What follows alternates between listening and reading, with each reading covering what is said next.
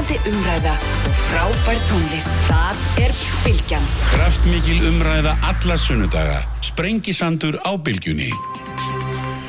Sælilustundur höldum að stað hér sem leiðlikur á Sprengisandunum þennan uh, februar morgun. Uh, Daniel Jakobsson, Jón Kaldal hér í lók þáttaræðu þá sjókvíaldi stöðunni því framtíðin að svona í kannski ljósi þeirrar skýslu sem Ríkisendur skoðun sendi frá sér sem að svona var nú til þess að hvað maður segja varpa ákveðinu tortrykni á, á umgjörð þessara uh, þessara aðunum greinar og svona hvernig hversu vel við höfum staðið að uppbyggingu hennar hér á landi.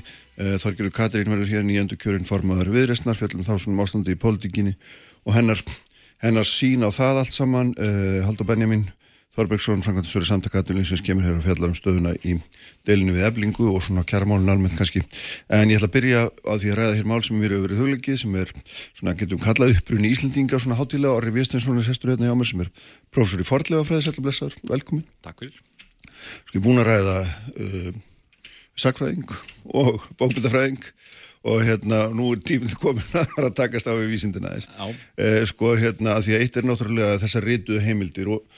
og það er auðvitað það sem við höfum verið mest að tala um ritaðar heimildur um upprunn íslendinga, hvenar byggðuð hefst hér og hvaðan fólki kom og mm -hmm. hvernig það blandast og allt svo leiðis.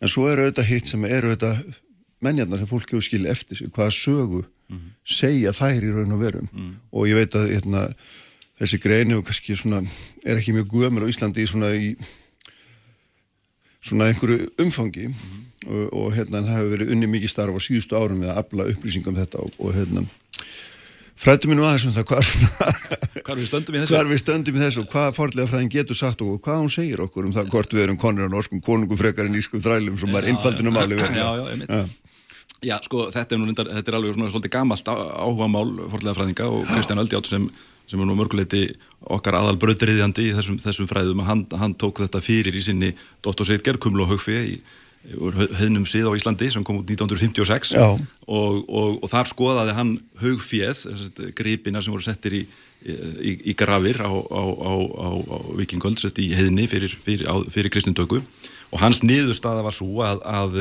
að þetta haugfjöð hefði svona yfir höfuð sko norsk enkenni væri, væri líkast því sem finnst í Nóri á sama tíma.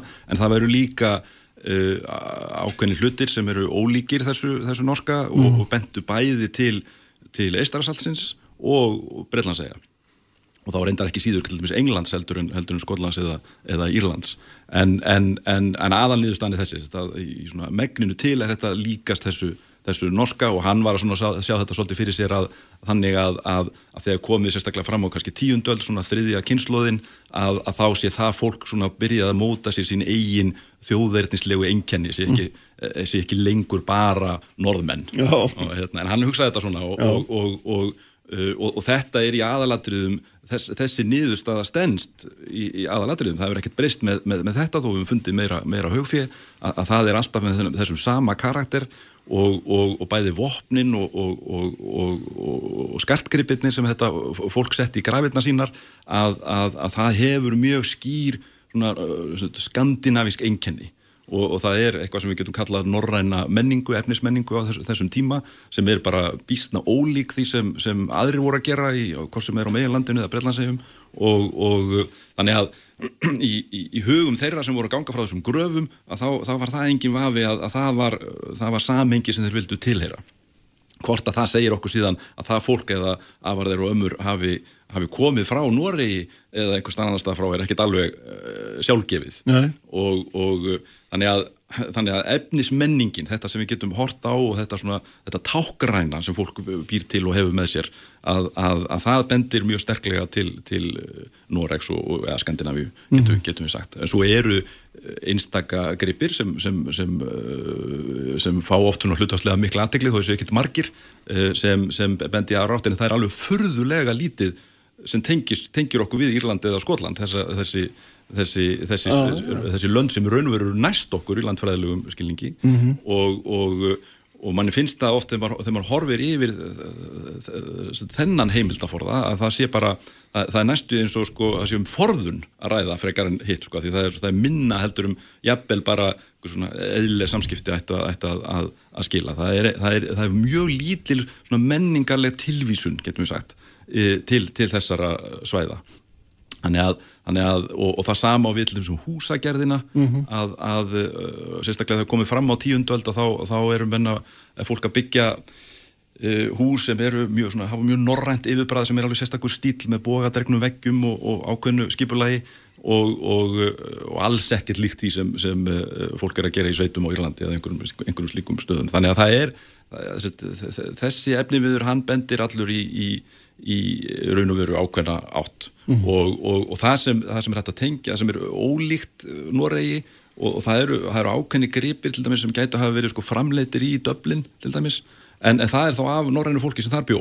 Og, og, og uh, þannig að það, það er einhver svona uh, þegar komið fram á tíundöld sérstaklega þá er bara þetta fullt af fólki með einhvers konar skandinaviskan uppruna sem, sem býr víða um Norður-Európu og, og það hefur nú oft verið, verið fólk hefur spáð í það hvort að, hvort að fólki sem síðan flist til Íslands ekki frekar komið úr því samfélagi. Þess að einlega fólk sem hefur flust frá Skandinavíu sest að kannski mitt Skotlandi eða Írlandi eða eða eh, Englandi jafnvel og, og, og, og síðan sé það kannski önnur kynsluð af, af slíku fólki sem, sem, sem flistinga, það getur bara vel verið mm -hmm. og það er kannski ekkert sérstatt í, í forlegunum sem, sem stiður það. Eitt af því sem er, hefur nú komið ljós á setni árum er að, að, að Uh, allar þessar forlega sem við erum búin að tala um Já. sem, sem við, við áður gátum ekki tímasett neitt mjög nákvæmlega bara sagt bara, þetta er svona aðalatunum frá tíundöld kannski en, en, en erum við að sjá núna að, að þessi, þessi síður, kumlsíðurinn að leggja gripi í grafir með fólki að, að þetta er einlega svona eins og tískubilgja frá, frá svona miðri tíundöld og, og, og setnipartin og þannig að, þannig að við höfum satt að segja mjög uh, lítið af fordlegum sem til er að sko fyrstu kynsluðunum, fólkinu sem flutti hingað uh -huh. og, og, og það eru mjög fáir staðir þar sem við höfum til dæmis hýbíli þess fólk sem við getum alveg öruglega sagt að að, að séu frá, frá, frá, frá þessum áratugum hérna eftir 1870 til, til 930 sem námsöldin og, og, og það er raun og veru bara eitt staður uh, sem heitir Sveigakott í, í, í Mjósveit uh, þar, þar sem er gjóskulag frá því um 940 sem liggur yfir uh, nokkur umbyggingastegum á, á, á húsum sem eru sem hafa einmitt ekki sérstaklega eitthvað norrænt lag en gripirnir úr, úr þessum lögum þessum sem eru klárlega eldur 940 eru, eh, hafa engin enginni þetta eru þetta er, þetta getur, þetta er svona gripir sem maður getur fundið hvar sem er í Norður-Európu á, á þessum, þessum tíma.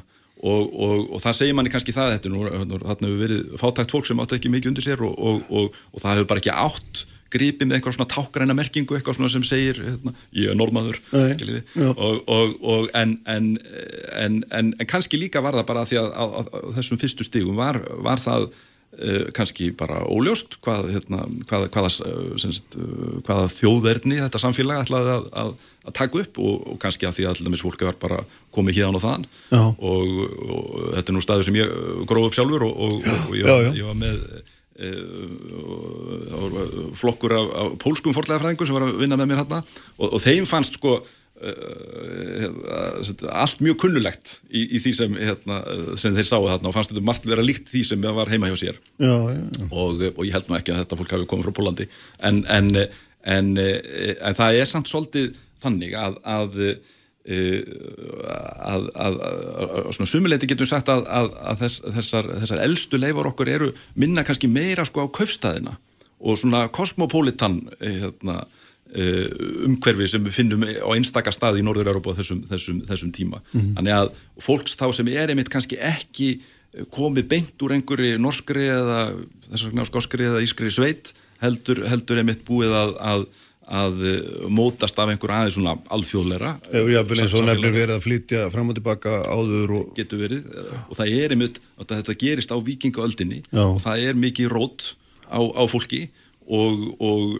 svo útgerð þegar við hugsaum um hvaðan skipin koma fólk, skipin sem hafa flutt fólki hingað að hún er örglega skandinavísk sko. fjármagnið á bakvið þetta, þetta verkefni að, að, að flytja fólk hengað út það, það kemur alveg pottið mm. þann en, og, og, og skipulægið og, og þeir sem telja sig vera græð á því það, það er alveg örglega og það er væntalega þá líka ástæðan fyrir því að, að þegar eh, þegar fólkið á Íslandi tekur, fyrir að velja sér tákn mm. Eh, og tískur að, að, að þá er það þá, þá horfir það til, til Skandinavíu. En uh, ef maður uh, svona bara, svona hlaupi hinga og þanga sko, hérna, ef maður tekur þessar rannsóknir í mannfræðinni, lífræðilegri mannfræði sem Já. að sína Íslandingar séu að mista hósti konur að stórum hluta Já, einhverjum keltneskum uppruna þó að það sé ekki alveg nákvæmt kelt, hvar keltar voru og hverjir þið voru en svona það er allavega en þú ert að segja mér einhver allt ára sögu já. eða hvað, hvernig samrýmur þetta tvent? Ég, nei, nei, ég held að þessi nú sko þessi, það, það stiður við þetta sem ég er að segja Já, sko, myndi já, ég segja, ok, sem já, sagt, já. að bæði held ég nú að, að við myndum kannski fá svona helsta, það sem hefur búið að vera að gera er að, er að bera saman uh, þetta erðaefni sem við finnum hér á Íslandi uh, við annars vegar Noreg eða Skandinavíu og hins vegar uh, Írland held ég, og Skotland en, en ekki til dæmis sko meginlandið ég myndi alveg hafa áhuga því að sjá hvort að, hvort að geti ekki verið eitthvað svolítið að fólki komið, komið þaðan. Og uh, en, en það er erfitt að að, að hérna sett, uh, benda á einhvern ákveðin stað sko, þegar maður er að horfa á, horfa á, horfa á, horfa á erðaefni, það er líka til aðrar aðferðir eins og að, að skoða uh, sett, frumefni eins og strontium sem, sem sett, uh, varveitist í, í, í beinum og endur speklar einlega sett, jarðalögin þar sem, þar sem maður býr og drekkur vatn. Og, uh, uh, og, og það er niðurstöður benda nú, segja okkur það til dæmis að, að, að fólk sem við finnum hér í kumlategum er, er, er set, komið frá, frá kannski sitt hvorum staðnum. Þetta eru ekki set, sveitungar sem, sem fl- flytja saman. En, en þannig að ég held að, að ég held að, ég held að frekar rannsóknir á erðaefninu munar örglega sest, skila eh, svona ni- niðurstöðum sem, sem benda meira til ég mitt í bara í þessa sömu átt að, að erðaefnið er ekki allt komið frá einhverjum einum stað -hmm. heldur eh, sagt, allavega tveimur og örglega mörgum -hmm. og, og og, og við tekið sem dæmi að það er, það er, það er tiltúlega nýlegu fundur á Englandi sem f- fundust meira en 20 beinagrindur sem hefðu verið afhöfðaðar. Ridgeway Hill heiti þetta og kallað Execution Cemetery þar sem, þar sem þetta lítur út eins og svona vikingaflokkur sem hefur mistekist ætlunarverk sitt og, og verið dreppinn af, af heimamönnum. Og, og, og, það hefur gerðar svona strontium uh, og, og reyndar fle- fleiri rannsóknir á, á, á þessum beinum og upphaflega taldum en já þetta væri, þetta væri menn sem væri komið minna frá Skandinavíu. En, en síðan kemur ljós að stór partur af þessum flokki er frá bara svona miða-Evrópu og, og eh, svona eitthvað svona Suðu Þískalandi og, og, og, og Tjekkoslovaki og slíkum, slíkum, slíkum stöðum. Og það segir okkur þetta bara það að, að, að, að þe- þegar menn er í, í svona hernaði og, og, og uh, með, með alls konar alþjóðleg verkefni þá þarf maður líka alþjóðlegt starfslið. Og, og, og, e, og það getur bara verið víða aðdreigið og það eru þetta þrælasala er, er þarna í, í, í gangi og, og e, þannig, að, þannig að ég, ég held að, að, að það sé einfaldast að líta svo á að, að, að, þegar uh, þetta verkefni byrjar að, að, að reyna að byggja þetta land sem, sem, sem kostar bara peninga þarf, þarf tæki eins og þessi, þessi skip sem eru, eru dýr og það, þannig, það þarf einhverju fjármakseigendur sem að hérna, standa á baku þetta. Ég hugsa að þeir komi kannski stærstu parti frá, frá, frá Skandinavíu en, en fólkið sem er fengið í, í þetta og er fluttingað út, það getur komið bara hérna og þaðan. Já, þannig að það er alls ekki úr lausulofti gripið að hér hafi verið einhvers konar svona notin þetta orð fjölmenninga samfélag í svona upphafi og jafnvel allt inn á Já. 13. öldin staðar eitthvað svoleiðis. Já, ég held nú, nei, Eða svo, svo finnst manni kannski sko að, að, að það sem gerist þarna þegar komið fram um, um undir miðja tíundöld Mhm. að, að, þá er eins og þetta samfélag sett, þá verði bara mjög svona, mikil áhersla á að, að leggja sett, að, að tengjast þessu norræna og, og, og, og sett, norrænum stílum, norrænum táknum og, og, og, og, og sko, meiri meira segja heldur en heima í Skandinavíu. Þannig að, þannig að húsin sem hér eru byggð eru, eru svona skandinavískari heldur en, heldur en það sem, það sem Við erum kaþólskari gera en eins og það er held ég lýsir samfélagi sem er kannski ekkit alveg örugt með sína sjálfsmynd og er að, er að hengja sig á einhver, einhver uppskrift. Mm. og, og, uh, og, og svo, segja, svo sjáum við þá náttúrulega bara af uh, síðan bókmentaframleiðslunni þegar, þegar hún byrjar að, að þá erum við auðvitað alltaf bara að horfa til Noregs.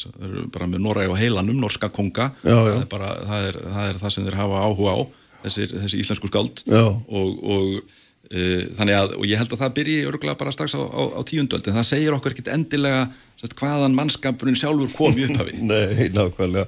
En sko þarna, eitt af því sem er mér skilt svona forlega fræðin hafi hún hafi vikað sviðið sér út ég er að skoða það einmitt ekki bara gripi sjálfa heldur að lesa aðeins betur í svona, hvað maður segja, mótun samfélagsins mm. ef, ef svona, svona hérna, orðið komast og ég menna það sem þú ert að reyna að vera að segja mér það að, að svo þekking sem þið eru búin að afláða síðustu árum ég að lesa í þetta mm. segir okkur í raun og veru þá sögu að uppbrunnilega kenningin um svona þessi norrönu tengsl, hún er alls ekkit veikari heldur en var haldið eða hvað og það er, er og ég meina samfélagsgerðin sem þú varst að lýsa á þann hún er norræn, ég meina það er bara ég, sam, ég veit ekki hvað hva kallaði samfélagsgerðina sko, en, en allavega þessi sko táknin þessi, þessi, tískutnar, skarkgripindir sem fólku velur sér mm -hmm. og, og og, og, og skreiti listin sem hefur einhverja merkingu og, og fólki finnst bara flott að það er komið þaðan sko. mm. það er, þetta, er, þetta er smekkvísi Já. sem við erum að tala um sko.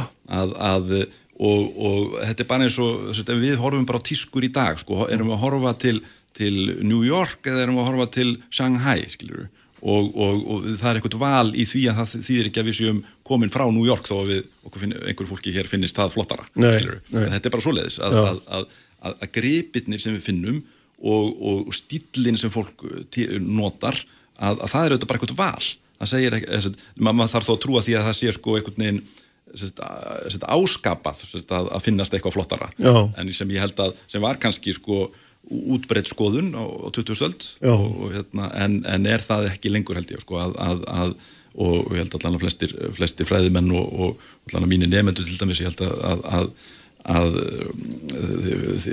fólki finnst þetta ekki lengur sko, að menningin sé einhvern veginn okkur í blóðborin og við séum bara nitt eiginlega af einhverjum lífræðilegum ástæðum til þess að finnast eitt flottar en annað. Sko. Er það ekki bara þá vegna þess að sko, í dag er bara samfélagið orðið fjölsgrúður og fólk kemur hérna og þann og blandast með ólíkum hættu og þá ekkert með einn svona að fara að landa mæri í þjóður þessi húttök, skipta kannski einhverju minna máli eða eitthvað? Já, ég held að, ég held að það sé alveg, alveg örugt og, og að, að það hefur áhrif á það hvernig við, við hugsaum um þessum mál það er auðveldar að líta svo á að, að uppbrunnin væri einhvern veginn semst, lægi og semst, eh, bæði skipt einhverju máli semst, í, í því, því þess að útskýra sko, hvernig við erum mm. að það var lægi í, í blóðin einhvern veginn væri bara já, lífræðilegt en, en, og þetta er náttúrulega hugmyndir sko, sem grasseruðu setin hluta 19. aldar og, og, fyrir hluta þeirra 20. og eiga sér náttúrulega uh, nazistatnir til dæmis tóku þetta upp að segja harkalega og þetta, það svona, hérna, tók nú kúvin að því kannski svolítið að, að, hérna,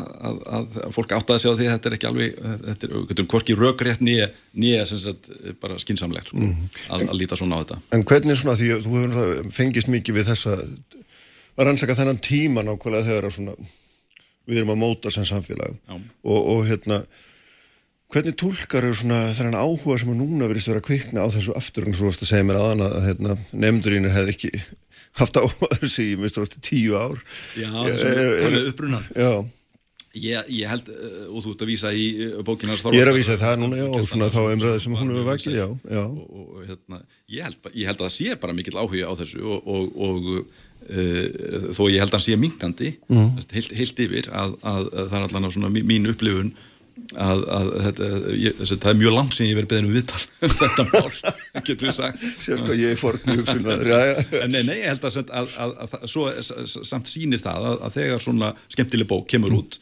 að þá er bara mikill jarðegur fyrir hana, fullt af fólki sem hefur bara mikinn áhuga á þessu og, og e, og ég held að það sé bara að lýsi náttúrulega bæði bara almennt er þetta bara mjög mikill áhuga í íslensku samfélagi á á uh, sögulegum efnum mm. og, og, og þetta er uh, gamalt og, og vel þekkt viðfangsefni og það var bara hart tekist á um alls konar kenningar svo Helgi Þólarsson öruglega hérna, uh, settið frá hérna, að, að ímsar hugmyndir hafa, hafa verið í gangi og fólki finnst gaman að velta þessu fyrir sér að sjálfsögðu. Eitt af því sem langar að hérna, vera rétt hæpa á, ég veit að það er skammalega lítil tími en sko það er það er þessi hugmynd sem að uh, kollegar þínir að mér, sko, ég veit ekki hvað þú ert versaröður sjálfur, er, er þessi hugmyndum eitthvað svona byggð fyrir landnámið Já. og hvað við vitum í raunum um það, hvaða máli það skiptir um hugmyndur okkar um okkur sjálf Já. Hvað er stönd í þessum fræðum fyrir ekki það, hvað þetta er? Nei, nei, það, það er, hérna, eh, ég held að í sjálfu sér er ekkert sem sagt, það, það, er, það er skýrt og, og verður alltaf skýrar og skýrara að, að eftir um það byrja 870 að þá verð, kemur hérna alveg svona holskefla uh, og það sem var að gerast hérna áður er, er eitthvað pínulítið en, en, en í engu hlutfalli við það sem, það sem, það sem gerist hérna í setjum hluta nýjöndaldar. Þannig að, þannig að sko í mínum huga er ekkert á móti því að hér hafi verið komið fólk þess vegna á áttundöld mm. uh, en, en, en byggð í, í, á, á sama hátt og við sjáum hérna eftir 870 það, það er ekki um það að ræða sko.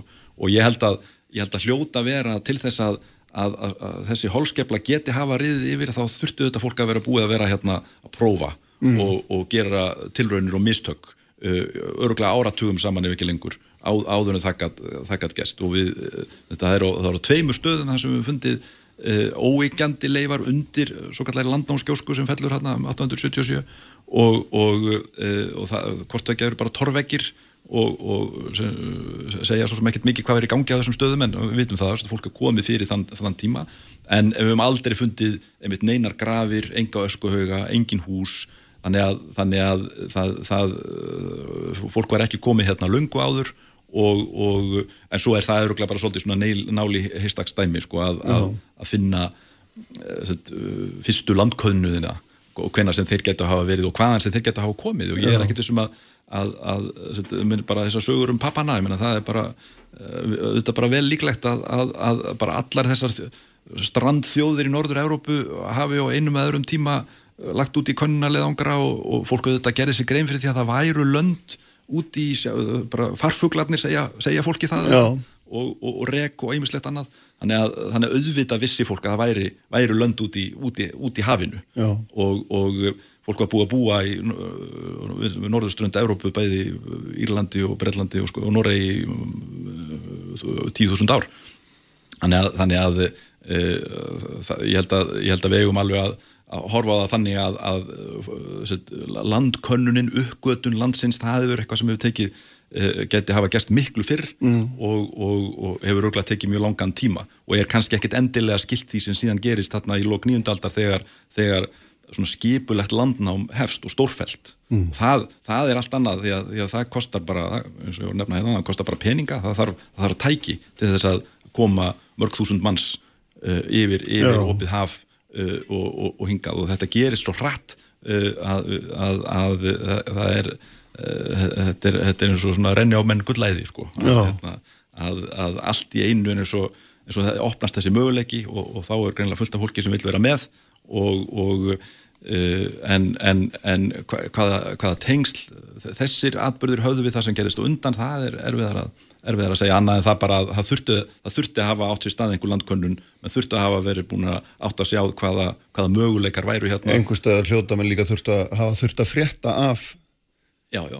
Þeir eru reynslu, er það ekki? Ég meina, jú, jú, það hljóta að vera einhver svoleiðistengl. Jú, jú, og, og ég held að, að, að eins og segi, ég held að, að fólk sem er að veiða fisk í sjónum og, og, og spá í uh, náttúruna og það tekur eftir svona hlutum og við höfum þessa sögur um þessa, þessa, þessa írsku munka sem hérna, löði þennan leðangur hérna um 800 og uh, uh, það er bara einn saga og, og, og hún er vel trúleg og þó við getum öruglega aldrei sannað hana að, að, að e, og, og þá segir það líka að það er einhverjum öðrum sem geti hafa dótti að hafa að gera þetta líka þó við höfum enga sögur um það sko. mm, mm.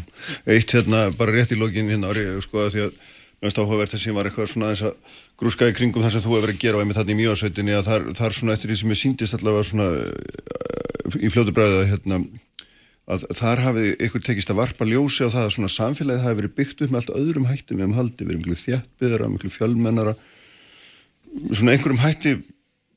Já, og það er mikil söðfjárbúskapur sem að held að kem ekki, kannski hefði ekki komið fyrir en síðar eða hvað. Já, já það, er, það, er, það, er, það er margt, margt öðruvísi en, en, en, en maður myndi halda með því að lesa bara Íslandingasögunar og, og eitt er mitt þetta að, að, að furðu víða e, kemur ljós að, að e, el, á eldstu bæjastæðum eru, eru bara mörg heimili.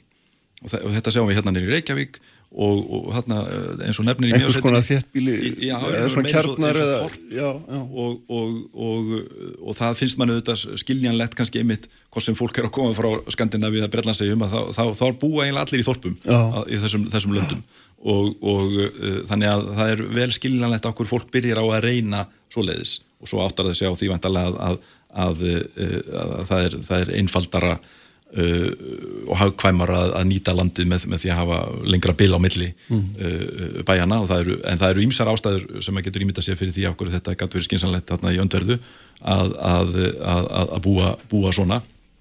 Þannig að, þannig já, þetta er bara eitt dæmið um, um, um uh, hvernig hlutindi voru öðruvísi. En það er í uh, uh, þessar fyrstu kynsluðir það er með löður nú reyndar mesta áherslu á nötgriparæktina Já. og, og, og, og síðan með líka með svín og geitur sem, sem síðan og svínin dó út sko ja, allan á miðöldum og, og, og, eru- og eru sjálfgef strax eftir bara 11. öld og, og þannig að það verða breytingar á sjálf, sjálfum, sjálfum búskapnum Ko- kortaræktin skipti öruglega miklu meira máli hérna alveg fyrst uh, sérstaklega öruglega fyrir bara landnámskynsluðina með, meðan fólk er að koma sér í bústofni og, og þetta allt að, að, þá, þá hefur það skipt gríðarlega miklu máli og við sjáum mjög skýrmerkjum það til dæmis hérna í aukastónum í, í miðbæri Reykjavíkur mm. að, að, að, að uh, kortræktin hefur, hefur uh, skipt miklu meira máli þá heldur en, heldur en, heldur en setna. Þannig að það er uh, uh, hugmyndirna sem fólk kemur með um, um hvað það eigi að vera að reyna að, er, og, og þetta er þá allt kunnulegt auðvitað, sett, hvaðan sem er úr, úr, frá Norður-Európu en svo, svo, svo, svo breytist þetta.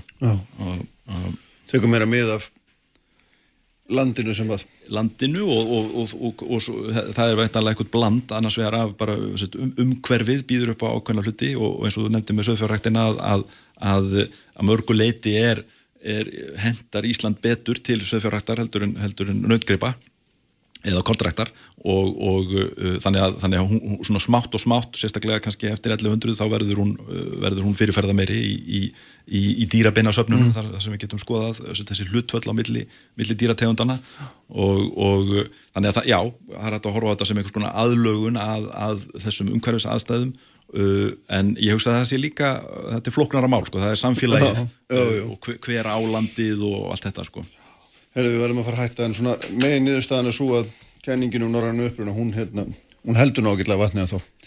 Já, já, og, og, og, og, með, með, með þeirri, þeirri neðamálsgrein að, að, að, uppruna í gæsalöpum, sko, hvað, hvað, hvað, á- hvað áttu við með því, sko. skiljum, hérna, skiljum þetta eftir eitt stór spurningamerki í lokin. Þetta var frábærlega gaman að fá því og hérna, ótrúlega spennandi við hómsefni. Eh, Haldur Benjamin verður hérna á eftir Þorgerður Katrín líka og svo Daniel Jakobsson og, og Jón Kaldal. Sprengisandur á bylgjunni Sprengisandur á bylgjunni alla sunnundasmórna. Sælir aftur hlustundur, Orri Viesninsson, prófessor í forlega fræði, farin á mér eftir vikilega fróðlega yfirferð yfir yfir framlega forlega fræði, forlega fræðinar til svona þessar umræðum uppruna okkar Íslandinga sem er nú hérna, mjög stræðilega forvittnilega í helsinni náttúrulega. Eh, og vonar hlustundu finnist þar og líka. Eh, þeir verða hérna Jak eh, Daniel Jakobsson ætla ég nú að segja og Jón Kaldal í lokin. Tölum um það um sjókvíhaldi, Þorgerur Katrín verður hérna á eftir.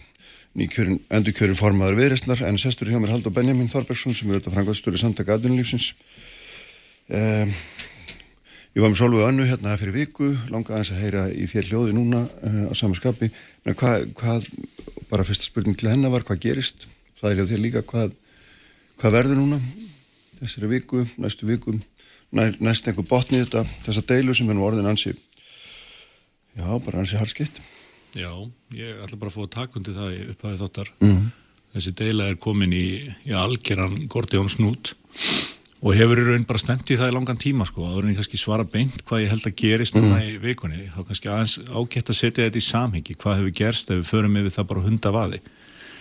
Það hafa verið í gangi þessi dómsmál sem að eru, eru mikið fjallaðum í fjölmjölum að undarförnu og kannski tvö þar sem að ber hæst, annars vegar félagsdómsmál sem samtöku atvinnulífsins höfðuð og hendur efninga. Þar sem við vildum fá úr því skorið hvort að verkföllin sem að nú dinja á Íslandshótelum og Fosshótelum, hvort þau varu lögmætið ekki. Dómurinn þar var þverklóðin, ja, klófin í herðaniður, þrýr dómarar töldu að svo væri, en tveir dómara skiluðu sér áliti og komist þeirri niðurstu að verkföllin væri ólögmætt og á þess að reyfa þann málaregstur allan sko, þá snýst þetta svo litið um svona hugtöku eins og réttlæti hvað er eðlilegt að gera, hvernig ganga verkalýsfélög fram í vinnudeilu? Vegna þess að vinnudeila núna er ekki sambarleg við aðra vinnudeilur sem við hefum séð í fortíð. Og þar vísa ég til dæmis til orða ásmundar Stefánssonar sem margir hafa kallað aðsta prest íslenskara verkalýsæfingar mm -hmm. að þessi vinnudeila er öðru marki brend en flestar aðra vinnudeilur. Og til hvers er ég að vísa þar? Jú, það er búið að leggja fram svo kallega miðluna tilögu í þessari vinnudeilu og það var uppi í heljarinnar Havari og stór örð höfðu uppi af fórustumunum allra heildar reyfinga á íslensku vinnumarkaði sem töldu, svona gengum mist langt í sínum yfirlýsingum en efnislega var inntæki það að miðluna til að hann var ólögmætt, svo er mm. ekki mm. Hérastómur hefur skorið úr um lögmæti og inntak og tilurð miðluna til hann og komist að því með úrskurði sínum sem fjell núna fyrir, já, dæbri viku að miðluna til hann væri löglega fram borin. Ástæðu þess að við höfðum mál í félagsdómi hins vegar er svo að svo fordamalösa staða er komin upp að ebling neytar að afhenda atkvaðaskrá sína til ríkisáttasemjara þannig að atkvaðagreðsla um miðluna til hana getur farið fram mm -hmm. og mála, málflutningur samtöku atvinnlýfsins var með þeim hætti að þá væri ebling með því að já, haga sér og ólögmætan máta mm -hmm að hagnast á því að við, viðhalda ólögumætu ástandi. Þau eru að tefja deiluna og eru í verkföllum á sama tíma vegna þess að vinnureglan í samskiptum aðila á vinnumarkaði, svo áratugum skiptir hefur verið þessi, að meðan að mál eru til úrskurðar hjá domstólum, þá leggja aðilar verkföll til hliðar tímabundi þar til að úr því hefur fengið skorið. Og þá kemur kannski að kjarnamálsinn sem er þessi. Það, eru, það er engin tilgangur með verkvöldum verk, eflingar sem er í gangi núna. Það er engin tilgangur með verkvöldunum. Það eru engir samningafundir bóðaðir. Ríkisáta sem er í bóðaði samningafund í síðustu viku og efling neitað að mæta á þann fund. Og þetta skiptir algjöru höfuð atriði í þessar umræðu. Mm. Þannig að tilgangur og eðli verkvalla er til að knýja samningsaðila sinn til gerðar kjærasamnings en það eru engir fundir í þessari deilu. Nei. Eina sem aðilar er að býða eftir Kristján er úrskurður landsréttar þar sem að embling áfríjaði að skaut áfram dómi hérastóms til landsréttar. Og þegar að sá úrskurður liggur fyrir, þá liggur fyrir hver verður framvinda þessara vinnutölu. Já, en að móti held ég að maður getur alveg haldið því til haga og verður að gera það að, að þessi miðluna til það sem við erum að fjalla um og þú er búin að fjalla núna um, uh, hún er auðvitað byggð á samningi sem hafa búið að gera. Og, og hérna ég held að þú hefði nú sjálfur ekki verið sáttur við það ef að þú hefði mætt til ríkisátsa sem er á að hann hefði lagt fram miðluna til þau sem væri sanningstilbúð eblingar sem hefði alveg skipt að verið. Annar aðalinn er búin að samþykja og þetta er bara það sem hann vil og nú skulum við bara kjósa hvort að þú fær ekki 25% statunurreikanda eða hvað það er sem þú þarf til að hérna, til að fella miðluna til þau um það snýst þetta þetta er er þetta ekki sannlega yngripp í það að stjættafélag sem er í samningavirðan geti bara leitt sínar kröfur eins og þú kallar það nú svo fallega stundum í jörð. Ég held að hér þurfum við bæði að fara aðeins aftur og bak og aðeins til hliðar mm. til þess að setja já, þessa fulleringu þína í einhvers konar raugrænt samhengi. Sko. Við gerum lífskjara samningana sem voru undirritaði 3. april 2019. Þá var ebling hluti af gerð þeirra kjara samninga. Alveg eins og núna eru átján félug starfskjara mm. sem að lögða á vaðið og gengur fyrst frá kjara samningum sem þá verður stefnumarkandi eðli sínu. Árið 2019 var ebling í þessu hlutverki. En stefnumarkandi er eitt en útlokandi fyrir allt annað er miklu djarfara. Já, ef, ef við klára. Já. Ebling var í þessu hlutverki árið 2019 og undirritaði fyrstu kjærasamlingar sem urðu stefnumarkandi sem síðan öll önnu verkefælisfélag á landinu gengu að í einu eða öðru formi þá heyrðist ekkert múk frá eblingu um að það væri verið að neyða kjara samlinga eblingar ja, En eftir þess að þeirra skoðunar af því það búið sem við þá verða allir að fara í sömu átti Menna, hefur að því ebling er ekki í samflótinu Nei, ég áttam á því. Já, Ég, ég, ég, ég get svarað þessari spurningu já, mjög afdráttalust En það var þá ekki sjálfstætt umbúð til þess að gera öðruvísi samning? Jú, Ná betri samning Við höfum sagt við eblingu Eða léleri eða þýra Við höfum bæðið ofinberlega mm. og á samningaföndum sem hafa nú þrátt fyrir allt verið þó nokkrir mm. að það er rammi sem er svona stóra myndin sem að öll verkefliðsfélög ringin í kringum landið hafa gengist við og þetta er ekki bara SGS-félögin, við hefum samið við innæðamenn, verslunamenn, bankamenn verið segja, sem að fóru inn í sama ramma allir eru með mjög svona áþekka samninga en hægt er að svona aðeins að íta þeim til og þetta hefur við opnað á gagvart eflingu. Við getum hins vegar ekki verið með mjög frábrúðuna samninga á milli einstakar stjættafélaga sem dæmi SGS-félagin í ringin kringu landið er að semja um sömu störf eða kjara samning fyrir sömu störf og verið er að vinna hér í Reykjavík. Og það sér hver maður það í hendi sér eða verður gríðalegu munur á milli kjara samninga fyrir sömu störf. Mm -hmm. um það verður aldrei neins átt þú þekkir orðið höfrungalhaup á vinnumarkaði? Já, ja. þetta er uppskriftin að höfrungalhaupi og það er hagur allra að koma í vekk fyrir það og það er kannski kjarni málsins í þessari deilu Þannig að þegar SGS semur þá hérna, veit eflir hvað klukkan slær og verður bara sætt sig við að þá hún sé ekki með í samflótunum. Þetta hljóma nú ekki eins og mikið frjálsræði. Já, þetta er nú bara frjálsræði sem að íslensk vinnulögju býður upp mm. og við skoðum undarfarna áratígi. En aftur hefur verið svo vinnuregla sem við höfum bara rétt á því að reyna ná býð. Það sjálfsögum, en ég segi, allir þurfa bara að mm. fara eftir þeim leikreglum sem skapaðar eru mm. hverju sinni. Mm. Vinnulögjufin sem sannanlega er komin til ára sinna að stopna til frá 1938 og með einhverjum breytingum árið 1996, hún er alveg skýr og allir aðilar sem starfa á þessu markaði þekkja hana inn og út og það er, það er lög og reglur sem vinnulögjum býður okkur, við verðum að fylgja þeim. Og núna í þessari deilu er á mínum dómi efling kominn, já, búin að reyna á þann þól vinnulögjafarinnar mm. að öllu leiti og hvað ég við með því? Verkföllin sem nú er í gangi þjóna engum tilgangi eins og ég fór yfir án þau er ekki að reyna að knýja samtöku atvinnulífsins til gerðar kjærasamnings heldur eru báðir aðilar bara býð eftir því að þessi landsréttar úrskurður falli Ég veit ekki frekar en aðrir nákvæmlega hvernig það verður, mm -hmm. en það hlýtur að vera það sem að svo mikið er undir að þetta verði núna í þessari viku Já. og þá hefur ebling, eins og þú veist, skuldbundi sig til þess að afhenda atkvæðaskrá sína til ríksáttsemjara sem þá getur látið fara fram atkvæðagreislu um miðluna til hana.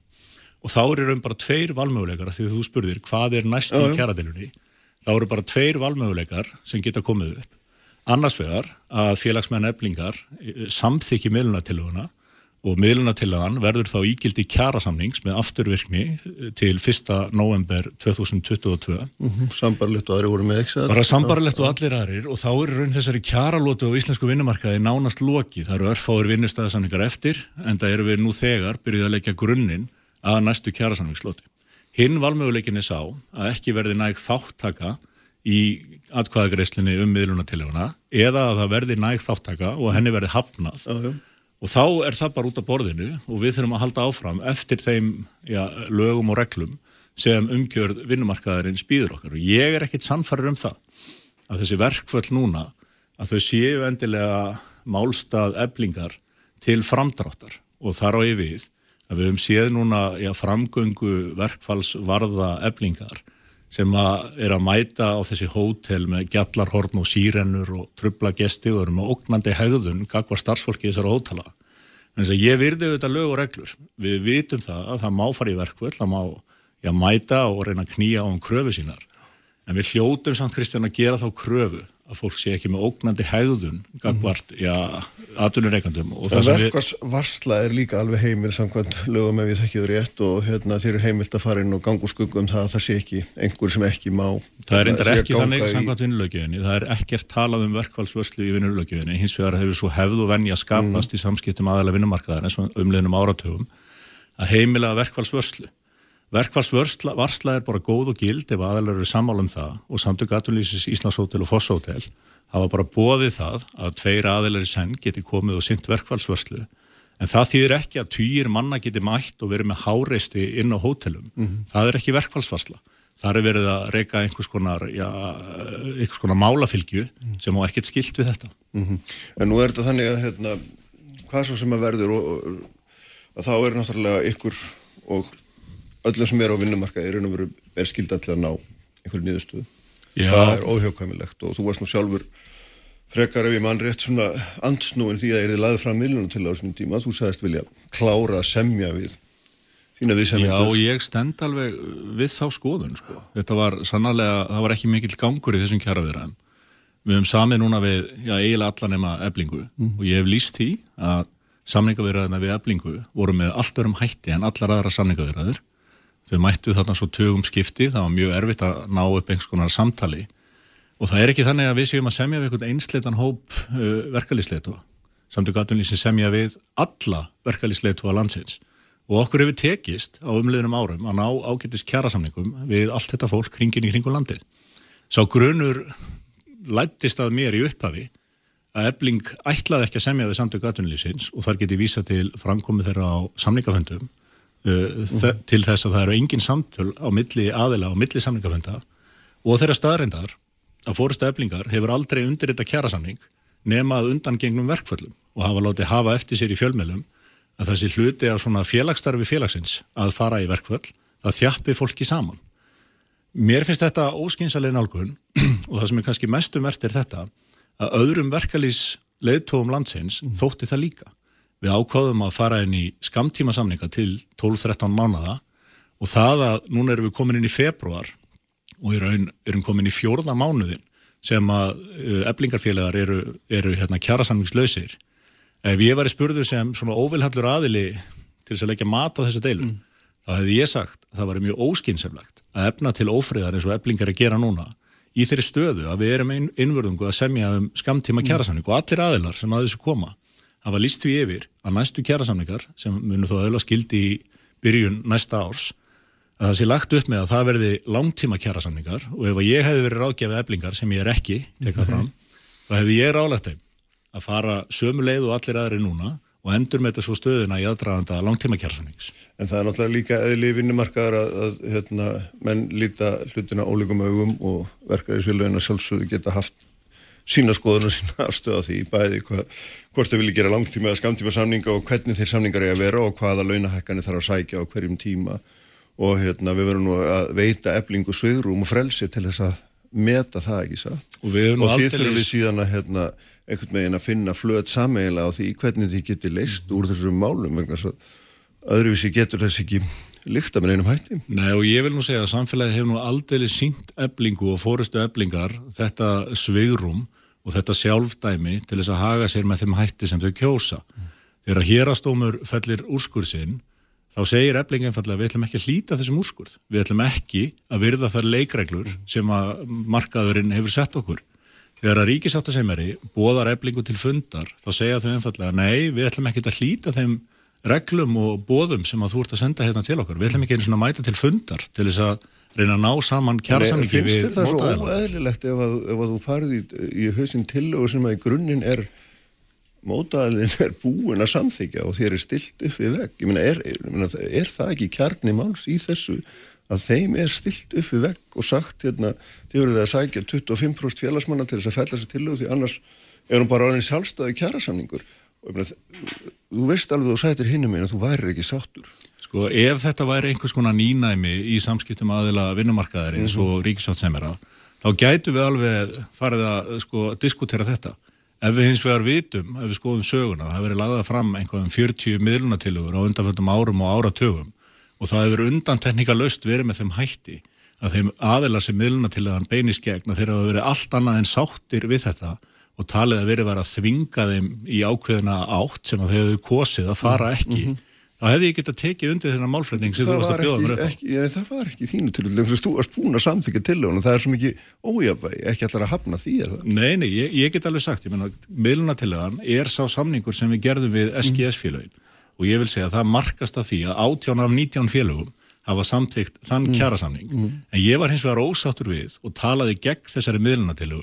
mm. en ég trúi á lög og reglur, ég trúi á íslenskan vinnumarkað og við vildum í samtökum atvinnulífsins, eins og þú orðaðir það, leiða þessa kjaradeli jörð mm -hmm. þeim, eftir þeim reglum sem vinnumarkaðurinn býður okkur. Mm. Og ég taldi og til enn að staða samtöku atvinnulífsins í þessari kjaradelu hafi verið mjög sterk og við vorum í raun bara tilbúin til þess að halda áfram á þessari braut, takast á við eblingu í gegnum verkföll og annað Í stað þess erum við að upplifa einhvers konar tafataktík eblingar framið fyrir domstólum landsins og ég hefði alltaf kosið hinn að leiðina ef ég hefði haft eitthvað valum það. Mm.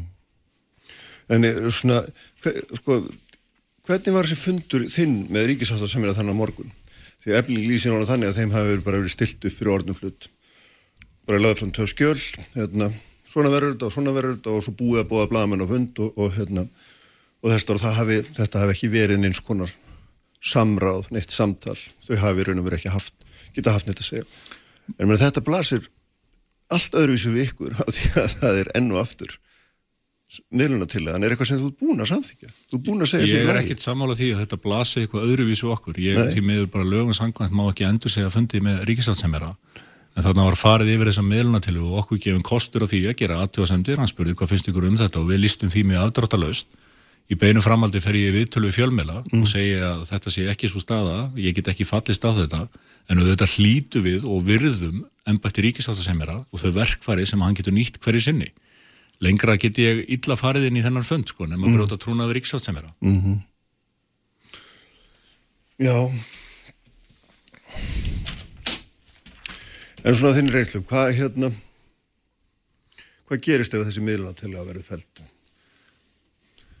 Hvernig, hvernig, veist, frá þínum bæjadirum séð, þú veist, ekki beða að setja, í fóðspórunar, ég menna, hvað ætla samtök atvinnlýsins að gera? Ætli þið að koma fram með ykkur eigin hugmyndir á nýju eða hvernig, hvernig ætla það að nálgast það? Það er alveg ljóst að þungin í verkfallsaðgerðum mun aukast mjög hratt í þessari viku og ef að verkfallin halda áfram inn í vikuna, þá er ljóst að Íslands samfélag mun lamast á örfáum dögum. Ebling hefur bóðað það að þau muni veita einhverjar undanþáður frá verkvallinu.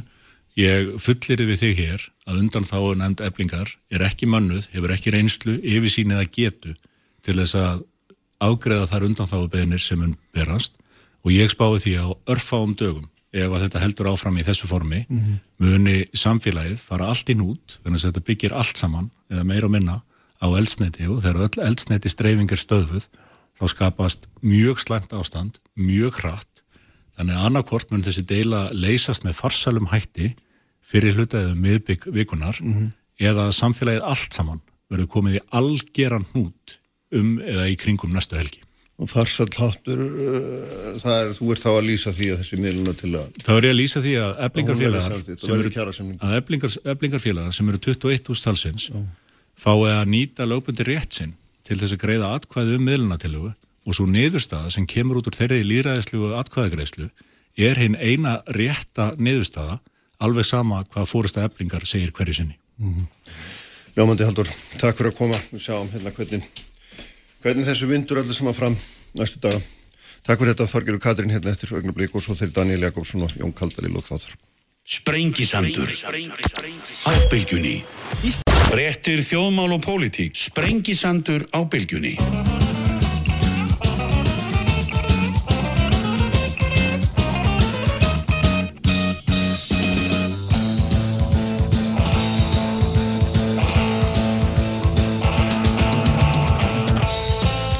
bylgjunni Sæli aftur hlustundur hald á bænuminn farin frá mér hér eftir uh, yfirleitt yfir hans mat á stöðunni í delinni við eblingu sem að hérna, stendur nú yfir og er að hluta til fyrir auðvitað domstólum og hérna skýrst nú kannski aðeins í vikunni hvernig það fer allt, fer allt saman og þeir verða hérna Daniel Jakobsson og Jón Kaldal að ræða sjókvíaldi hérna í lokþáttar en sestir hjá mig Þorgerur Katrín Gunnarsdóttir. Sæla Blessu, velkomin efilega Já, þakka fyrir Kristján. Þú ert hérna, endur kjörin formaði í já, gær. Já, takkaði fyrir það. Já, og ég... hérna, reyndar ánmót frambús. það var rúsneskostning, eða hvað? Já, það var eh, eins og það kallaði rúsneskostning, það sé kannski ekki heppilegasta, heppilegasta samlíkingin, en nei. já, þetta var alveg dúndu þing og, og mikið fjör hjá okkur og það var eh, í rauninu að því síðast ef við hittust, þá var það ekki í raunheimum og uh, vorum með öflugt þing í COVID en, en, en hérna nú vorum við að hittast auðleiti til auðleitis og það er einhvern veginn alltaf meiri dýnamík og alltaf, það má kannski segja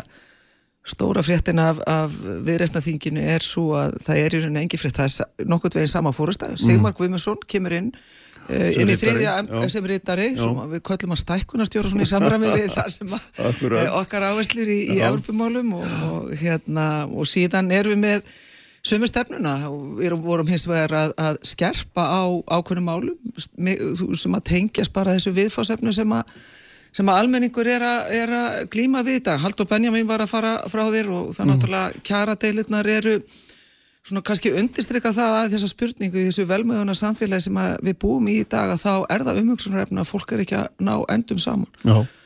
og ég fer ekki út í búð eða líka á pallan út í Svíþjóð að mm. fólk er að alltaf að tala um þessa sömu hluti, annars vegar átt verlag, uh, það hefur áhugir á börnunum sínum sem að er, að, er búin að mm, kaupa og, og koma undir sér húsnæði og, og, og hérna er að borga lánunum sínum og greiðslipyrðin eins og hjá einu kennara sem að ein móðinni sagði mig frá að hún greiðslipyrðin hjá henni hafi farið úr hvað 140.000 í, í 290.000 mm -hmm. á þessum launum er þetta bara, það er ekki hægt og það er kannski þetta sem að Við höfum alltaf verið að benda á, ekki alltaf salur fyrir, þú veist það, já, við já, vorum að nei, í síðustu kostningum einmitt að benda á, vorum eitt myndband meðal annars um matarköruna, munin á matarkörunni hérna heima á Íslandi og svo uh, er svo heppilegt að vera með tengsti í Þýskalands sem, að, sem að er gáttu, einstaklingar sem að gáttu sett í matarköruna fyrir mig og við bárum saman og þetta er alltaf þessi, þessi sami vandi sem er í rauninni bráðavandi að, hér á Íslandi, við erum mm. alltaf að upplifa þetta aftur og aftur og í þeirri sömu kostningabartu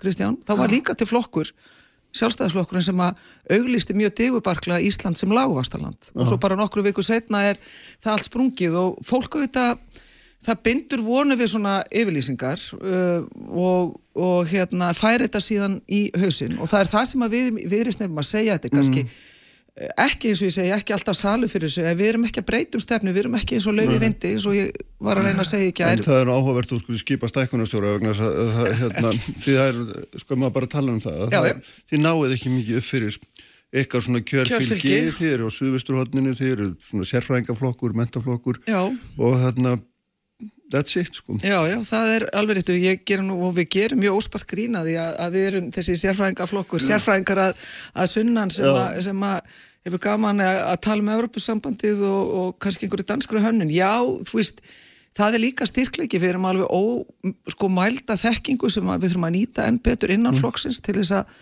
koma okkur á framfæri. En, en ef að við setjum þetta bara við, við, í samhengi við viðfónsefni dagsins í dag við þetta sem ég er að tala um, við matarkörfuna, við verðbólkuna, við heilbriðismálum, við náttúrulega erum að taka mjög svona fast á heilbriðismálunum, við erum að sjá núna eftir sex ára þessari eh, ríkistjórn að þá erum við að sjá hennar helsta vörumerki verða bygglistar, þetta er svona bygglista ríkistjórn og það er ekkert gerst, það eru pólitiska krettur sem að reyðu framann af að það mátt ekki semja við sjálfstætt starfandi aðalega en samt leiðir þetta til þess að við erum með fleiri börn á bygglistum heldur en áður, við erum með fleiri tegundra bygglistum heldur en áður. Og við höfum bæði þinginu en líka á landstinginu okkar en líka inn á alþingi komum við til úr um það hvernig hægt er að, að leysa þetta með því að semja við sjálfstætt starfandi aðila, vera óhrætt við að gera það og fækka fólki á bygglistinu, það hefur ekki mátt gera það, að því að hver höndun upp á móti annar er innan ríkistjónar og það er gallin við svona ríkistjón að, að miðjan eða hefur ekki reynd að ná saman heldur eru við með jæðrana og það mm -hmm. fyrir vikið er bara engin pólitískur kompás í gangi, veist, þetta er bara pínlítið verið að fara í allar áttir og við sjáum það enn og aftur í helbriðismálunum, það var fín helbriðstefna samþygt til 2030 en hva, hvernig sjáum henni framfylgt? Þetta er svolítið svona þetta er tilvílana kjent setja aðeins þarna og svo skulum við taka á hér en það er ekki verið að setja fram neina áöllun og það er það sem allir með landsting viðrisna samþykti að við eigum að fara í tímasett og ekki bara tímasetta aðgerðar áöllun í helbriðsmálun og í krabbaminsmálun líka áöllun líka heldur ekki síður taka á stæstu pólitísku spurninginu og það er fjármagnunin og við þurfum að fjármagna að segja hvernig við ætlum að gera hlutina, hvenar en hvernig við ætlum líka að, að fjármagna og hvað... Já, nú fer alltaf óhefmilegt fjármagn í helbriðiskerfið og Já. það fer stigvaksandi það er ónættilega þannig. Við erum búið að setja gríðarlega penning út af COVID og það er verið að bæta í þessu utan. Helbriðsáð þegar var nú hérna fyrir viku að, að rekja það allt saman mjög vel. Já, já og hérna á einhver staðar svona en... og svojan er stöðar umræður um skiplasleysi, það er mannekla og, og hérna og það er ákveðt að sitja okkur að fundi og segja við þurfum að setja tíma sem þetta áætlun en það er bara fullt af viðhómsefnum sem að slík áætlun ræður ekkert við sko. Já, ég held að fyrst og síðast er þetta samt, þú setur fjármagnir í þetta en, en þetta er eins og ég segi mjög tilviljuna, tilviljuna kjent mm. og við erum að sjá, að því við þurfum líka að ræða um hvernig við ætlum að fjármagna þetta og við erum að sjá annars vegar vinsturflokkana eða samfélkingu og aðra að vera að tala um skattaækanir, fæn, það er ekkert nýtt þar Síðan erum við með ríkistjóðnuna sem er búin að svara þessu þannig fjármögnunni að við ætlum bara að vera með halla og fjárlegum alveg til að minnstakosti 2027 þannig að það verður svolítið íta vandunum á undan sér. Mm -hmm. Meðan við erum að segja, kíkjum á fjárlegin, hver er þriðji stærsti fjárlegaliðin? Það er vakstakjöld. þau voru fjórðu, þau voru 15 úr komið í þriðasæti, við erum með hæstu vakstakjöldi í Evrópu við skulum byrja á því að reyna að- að koma því skikki, koma svolítið Þannig að skikki þú á vilt þetta hérna skera neyri ríkistræksunum til þess að greiða niður skuldir. Er það svarið? Nei, til þess að, að einmitt, við viljum taka niður vakstakjöldin til þess Já, að en setja þá í þarfstu innvið náttúrulega að vænta að lækka höfustólinn fyrst. Já, við þurfum að taka. Já, veist það Kristján, við komum alltaf að þessu sama Já. og það er að, að við þurfum þú veist, ekki bara í, í, í vakstamálum og í, lánamálum og í verðbólkunni sem er, sem er náttúrulega við getum talað um það, að hverju, Mhm. að hverju hún stafar, það er meðlands ríkisjóðni sem hefur, hefur ítt á stað það mikil út, útgjaldað þenslu að við erum að sjá hærri verðbólgu heldur en við þurftum að sjá með að verðbólga annar staðar er að lækka, við erum að sjá hana lækka víðaskvar. Uh, Þannig að það er líka ábyrð ríkisjóðnunar og það er náttúrulega fyndið að, að heyra þetta tenni tal sífælt í, í ráðamönnum, þú veist, ef einhverjir voru út á tenni þá var það bara ríkisjóðnin. Það var, þú veist, hún hefur hérna verið að auka þensluna sjálf en það er ekki almenningu sem hefur verið að gera það. Við erum að sjá líka, þú veist, samkjöfnin. Það er ekki raunveruleg En þú- þú hérna. ert búin að að- þessi burtu Nei, frá á ríkiskuldunum. Já, Já, nei, það er það já. sem ég er að segja. Já. Við þurfum að ráðast að rót vandans Mhm. og rót vandin, vandans eru ákveðin kerfi og við þurfum, við erum að tala um það auðvitað að fara í Europasambandi meðal annars til þess að efla hér lífskjör, til þess að bæta hér samkjörnishæfni í atvinnulífinu og það gerum við. Europasambandið er ekki markmið. Europasambandið er leið að markmiði, alveg eins og við gerðum á sínu tíma með, með NATO. Við fórum inn í NATO, ekki bara til þess að vera í NATO, heldur við fórum þarna að því að NATO var leið til þess að verja öryggi og, og varnir landsins, setja ebla varnir landsins.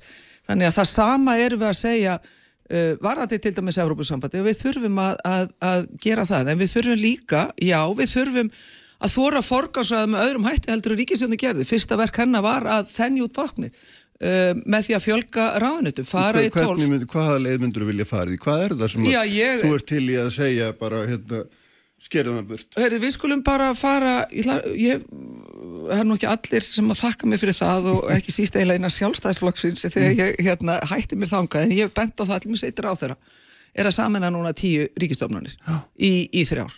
Þetta er viðleitni til þess að aðeins að, að segja, heyrðu, það er komið nóg, við þurfum að gæta því hvað við setjum í, við þurfum að í, í ríkisvaldið, við þurfum að sjá hvernig við fáum sem mest út úr því og það gerum við meðal annars með því að einfalda kerfið, gera það skilvirkara og það þarf pólitiska kjark og þor í það. Það hefur ekki verið gert mikið á því núna á síðislega sex árum. Ég get líka bent á það að að háskólastofnanir hafa ekki verið uh, saminæði sig að ég var ráþara fyrir 300 árum síðan, Kristján. Þannig að, að það er, það vantar bara það að þóra að segja hvar við berum niður og við erum að gera þetta annars vegar með forgansöðun í, í ríkisfjármjölum til þess að, uh, já, greiða niður skuldir, reyna að spara vak vakstakjöldin til þess síðan að byggja upp heilbreyðiskerfi, til þess síðan að byggja upp innvið. Þetta fer saman. Þannig að, að þetta er ekki alltaf salu fyrir því og það er auðvitað kannski einfaldast að segja bara í kostningu er ekki bara best að kjósa framsókn og þú veist ekki hvað þú færð annað heldur en kannski sjoppulegar uh, stöðuvitingar hjá ríkinu sko. Mm. Þannig að já, þetta er okkar verkefni í viðristni, er að fá fólk til þess að hlusta af hverju við, við, við erum að, að, að gera þetta og þú veist, ég held að viðrist sé einfallega flokkur fyrir fólk sem að nennir ekki lengur þessari vittlisu, sem að lætur ekki selja sér þessa vittlisu aftur og aftur, af því við erum Við erum með þennan vanda sem að sífælt stæðjar og herjar á íslensk heimili. Þetta er bráðavandi, hann er alltaf aðna og þó að klukka, byluð klukka, getur verið rétt tvísvara sólarhing að þá er þessi vandi aðna og það er viðreysn er að reyna að benda fram á það leiðir og þau lausnir og það umræði sem við verðum að taka til þess að fara í þetta og það er í, á öðrum sviðu líka Kristján, við getum En ég er sleppti ekki- að tala um Európa-samband og við skulum bara fara í, í orkuskiptin. Við erum búin að vera hér með flokk sem hefur verið með uh, orkumálin í, í tíu ár. Það leikur ekkert plan fyrir um, um til dæmis með allar aðra þjóri eru búin að koma sér upp skýrum reglum í almanna þáu um til dæmis vindorku, um það hvernig hægt er að, er að fara í þessi grænu orkuskipti. Hvernig er eitthvað planuð það hvernig við beitum líka grænum kvötum? Uh, hvernig við förum Jú, í þessi það gjörð? það er búið að skrifa hverja grænbókin og fætur annar Já, já, en, en erum við búin að fá ákverðunum um þetta? Nei, við erum ekki búin að fá það. Og það enn og eftir kemur, komum við niður að það að það er ríkistjótt sem að næri ekki að fara í þessu stóru þjóðþrjóðamál. Hún er alltaf að tróða marfaðan hvar sem er í einhverjum, mm. einhverjum sín á milli en þjóðþrjóðamálinn þau eru, eru skilin eftir. En endur speglur hún ekki bara það allir í þessu máli það eru með skipta skoðanum um hvaða leið er best að fara og hversu hratt á að fara og svo framvegis. Er þetta ekki bara nákvæmlega það sem að samfélagi sjálft stendur frammi fyrir og hefur ekki komist að niðurstöðu? Já, en þá sakna ég þess að það sé ekki pólitísk fórist um það. Mm -hmm. Við vorum að tala, eins og ég segi, þú varst að tala við hann Haldur Benjamin. Um, eitt af því sem að viðrist leggur áhersla á, samlega því að vera með traustan örugan gjaldmiðl. Við erum með náttúrulega í rauninni þrjá gjaldmiðl í dag, við erum með gjaldmiðl sem að hendar uh, 300 stærstu fyrirtækinu, þau eru tekin út fyrir svega með hana starfsfólki þeirra sem að hefur nákvæmlega sumi hagsmunna því að vera með öflógi gjaldmiðl, þau eru látin gera upp í efri, við erum að sjá kennar og skúringafólk og, og strætópílstjóra að vera að setja uppi með krónuna svo erum við með verðtriðu krónuna og svo erum við með overtriðu krónuna. Þetta er að verða og við vorum með umræðu hóp í gæri á þinginu þar sem að meðalans fólkur verkalýsreifingunni kom og það er, fólk er að átta sig betur og betur á því að við fáum ekki traust og örugt umhverju, ekki bara fyrir fyrirtækin, mm. heldur líka fyrir heimilinlandinu nema að fara að tala um þessi stóru mál um stórumálu hvernig við eflum, eflum samkjörni. Þetta hefur verið rætnan og stanslöst frá Já, 1990. Þetta segir... Og þú segir við höfum ekki tekið með umræðum þetta, við erum búin að ræta stanslöst í 30 ár. Ég sakna pólitískra fórustu Já. og við fáum ekki stöðuleika á vinnumarkaði mm. og mér sýnist vera mjög langt í land. En það er engin krafa frá verkefliðsreyingunni eða atvinnureikundum um þetta, ég meina samtöku innanast meðan Jón Steindor var þar í fórsvari, var mikið Európa samtök, en eftir það hefur ekki heilt fólk sko. Þess vegna fengum við meðal annars uh, fólk og verkefliðsreifingunni í gæður mm -hmm. og það var aðtiklisvert og áhugavert að mm -hmm. heyra þá tóna. Við erum að heyra tónana frá Vilhjálmi Birgisinni og Ragnar Þór Ingólfsinni, þeir er ekki að taka undir okkur með Európa sambandi, en þeir er að benda eins og við á fílinni í postulísbúðinni sem að er íslenski, íslenska krónan. Þannig að sko fóristufólki innan verkefliðsreifingarinnar ég tek undir með þeir, það er að, að opna augun eins og að saknaði þess að, að fólki í, í fyrirtækjunum og aðdunulinu stýi ekki betur fram að því að það er það er sífilt að banka aukslinu mér og segja það er gott að þið er að taka þessu umræði þetta er óþægilegt fyrir mig mm. en það er gott að þið taki hana af því að það er það er skortur á pólitískri fórustu til þess að ræða nákvæmlega þessu stóru mál og eitt af þessum stóru málum mm. er meðal annars að við þurfum að, að sjá fórustu innan verkefliðsræfingarinnar, innan atunlífsins og líka hjá ríkistjóninni að koma upp mótili svipað á Nor Norðurlandunum um vinnumarkaðin.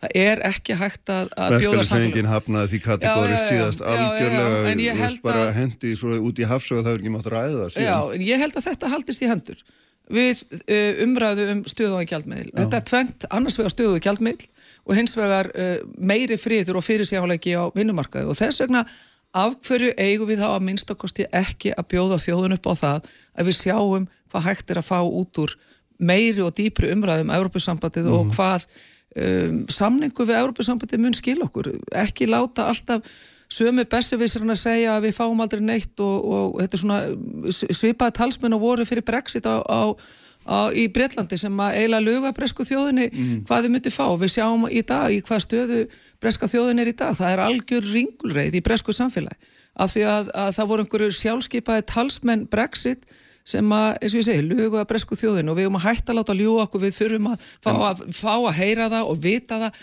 hvaða er sem að kemur út úr samninga við erum að því við höfum upplugt samningafólk einan þjónustunar. En það er náttúrulega auðvitað samt sem áður en leið og segir þetta, það er, það er, hérna, það er alveg sama hvaða gældmjöl þú hefur, þú verður að hagstjórna innverður að vera í lægi Og, það er kannski og, það sem að og, þessi ríkistjórn óttast að það er ægi í ríkistjórnmálum. Það breytir bara yngu um það, skilur, þú verður að standa þig vel og hérna, og, og þannig að hérna, þetta er ekki nefnt háralegsin í þeimskilningi og getur aldrei orðið það Kristján, þú ert að komast að kjarna málsins hér mm, mm. ég til íslensku krónuna mm. hún er bara eitt verkfæri stjórnmálamanna hér á Íslandi og ákveðina sérhagsmannahópa þetta er ekki þannig stýritæki fyrir þá varðandi það hvernig þeir viðhalda sínum völdum að mínum mati Þetta er bara hluti af þeim leik sem þau eru að spila og við verðum að fara að taka þessu umræðinu. Þegar þú horfir á stróun í Íslandsku samfélagi síðustu 20-30 árin Já. og þar hefur verið gríðarlega hérna, lífskjara bót á eila nánast öllum sviðum. Við, við erum sammálað um það. Við erum já, lifað að sveipaða tíma. Eða að ræða, ræða Nei, ég samlingin? Já, býtas, já, já, hann er þetta stór hlut að því. Ekki, já, ekki spurning um það. En þá getum við ekki sagt í sögum mynd og við horfum á það að það sé allt ómögulegt. Já, alls ekki, ég, ég er ekki að segja að það sé allt ómögulegt en ég óttast hins vegar þá þróun í íslensku samfélagi mm. meðal annars með blessun þessara ríkistjórnar sem að er ríkistjórn uh, um ekki neitt og, og ég fyrir sex árum þá þegar hún uh, tók við að þá, ég vildi gefa henni tækifæri. Ég held ræðu í þingjunu og sagði, gefið minni tækifæri? Og ég vitna meðal hans í Vilmund Gilvason þann magnaða stjórnmálamann. Og ég hvet alla til að lesa allar hans ræður af því þær eru spurningu um réttlæti og kjark og þórum það hvernig við erum að breyta samfélaginu. Og hann talaði um á sínu tíma um Ríkistjótt Gunnar Stórótsen uh, Ríkistjótt sjálfstæðis framsóknar og, og, og alþjóði bandalast á um frið um ekki neitt. Að þetta mætti ekki vera friður um uh, valdana vegna og ég sagði það fyrir sex ára síðan við skulum vona að þetta sé ekki friður um sérhagsmununa við skulum vona að þetta sé friður fyrir fólkið í landinu og hvað blasir við? Við sjáum ríkistjótt fastari í því í, á þeirri leysinni heldur nokkru sinni fyrr að verja sjáarúturinn í landinu sem að er velreikinn, þetta er mikilvæg aðtunugrein, við þurfum að losna mm. við hávaðan sem henni kringum hann en hann mun ekki hljóna fyrir að það sé alveg skýrt að það er þjóðinn sem á uh, fiskimiðin, þetta er samegn íslensku þjóðarinnar og þau þurfa að fara að greiða almennilega auðvitað. Svolítið er að skoða þetta allt saman í þessum risahópi sínum og það er nú konar áfangarskýslur sem eru bara hérna, mjög í þessa átt eftir því sem ég sýnist. Þá verður bara kæri Kristján að skoða þetta betur því að það er ekki tekið á stóru máli, það er ekkit mála að ræða um gegsa í sjávaröndi, það er ekkit mála að, að fara í svona dittin og dattin uh, breytingar en stóru kjarnamálin eru skilin eftir Hvað heldur þú þegar skipið 50 manna nefnd með 30% eða 40% af fulltrúum beint eða óbeint beint úr sjáuröldum? Það verða enga breytingar af því það vantar pólitiska fórustu til þess og ég spáði því að við munum ekki sjá undir lók þess að kjörtjöfambils þessa prinsipbreytingar sem að þjóðin er að kalla eftir að það er að við fáum auki réttlæti í sjávaröldi sem að skili þjóðinu einhverju. Mm -hmm. Hvað er við meira að sjá varandi þessa ríkistjórna því að ég er að tala um að þetta mátt ekki vera friður um um, um sérhagsmunni friður bara um valdablokkinnar við erum að sjá skýslu ríkisendurskoðunar um, um, um meðlans fiskaldið sem er mjög sjóppulegt uh, atferðli allt eða skýslan, hún dregur fram hva, hversu, já mikið, mikið fúsk þetta er þegar upp er, upp er staðið og við mm. þurfum og við verðum varðandi fiskaldið bara svo ég klári það, við verðum að gera skýrari kröfur til starfsgreinarinnar sem slíkrar varðandi það að hún greiði hér almennilega auðlundagjöl og við gerum skýra kröfur líka til umhverfisins. Og ég man að þegar ég var þessa örfáði mánuði í, í stjórninni á skilaði nefnd sem að Gunnar Bræi skipaði og hún var skipuð uh, veiðifélagunum og uh, fiskaldisfyrirtækjunum og þau náðu saman um eitt. Og það var að Uh, og hún skilaði minnum í ágúst og svo því miður sprakk stjórnir bara skömmu síðan en maður mm. sá ákveðin tækifæri til þess að taka til. Það hefur reyndar ekki verið gert neitt síðan. Uh, frekar ef ykvað er þá hefur menn gefið eftir eins og til dæmis Svandi Skerði, hún gaf eftir það að taka auðlindagjöld á, á og setja auðlindagjöld á fiskveldið á þessu ári, mér finnst það mjög miður.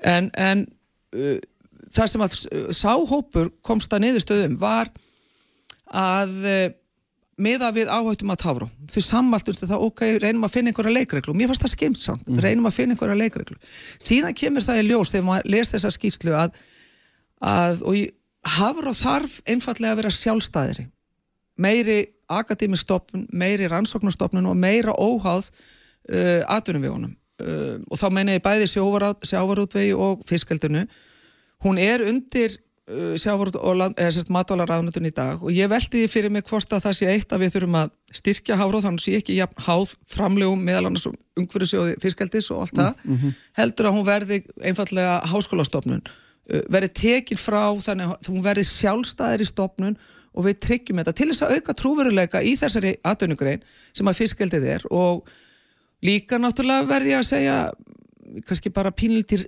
pyrruð þegar maður les svona skýslu að því þetta er fúsk í stjórnsýslinu líka, ekki mm. síst og, og það er verið að tala um að allir er að taka þetta síst. Fyrst er þetta bara pólitíst ábyrðaleysi margra ára? Já, þetta er pólitíst mm. ábyrðaleysi margra ára og, og það er, og ég sá tækifæri á sínu tíma að það þyrti og það mm. væri hægt að, að taka þetta betur, að taka betur á þessu um leið og taka tillit til svæðana sem að fiskaldið er. Svæðin með eiga hins vegar ekki vera þannig að það byggist þar, hvað sem að er fyrir vestan að austan, eitthvað fyrirkomulega sem að í eðlísinu er bara svona húsbændur og hjú.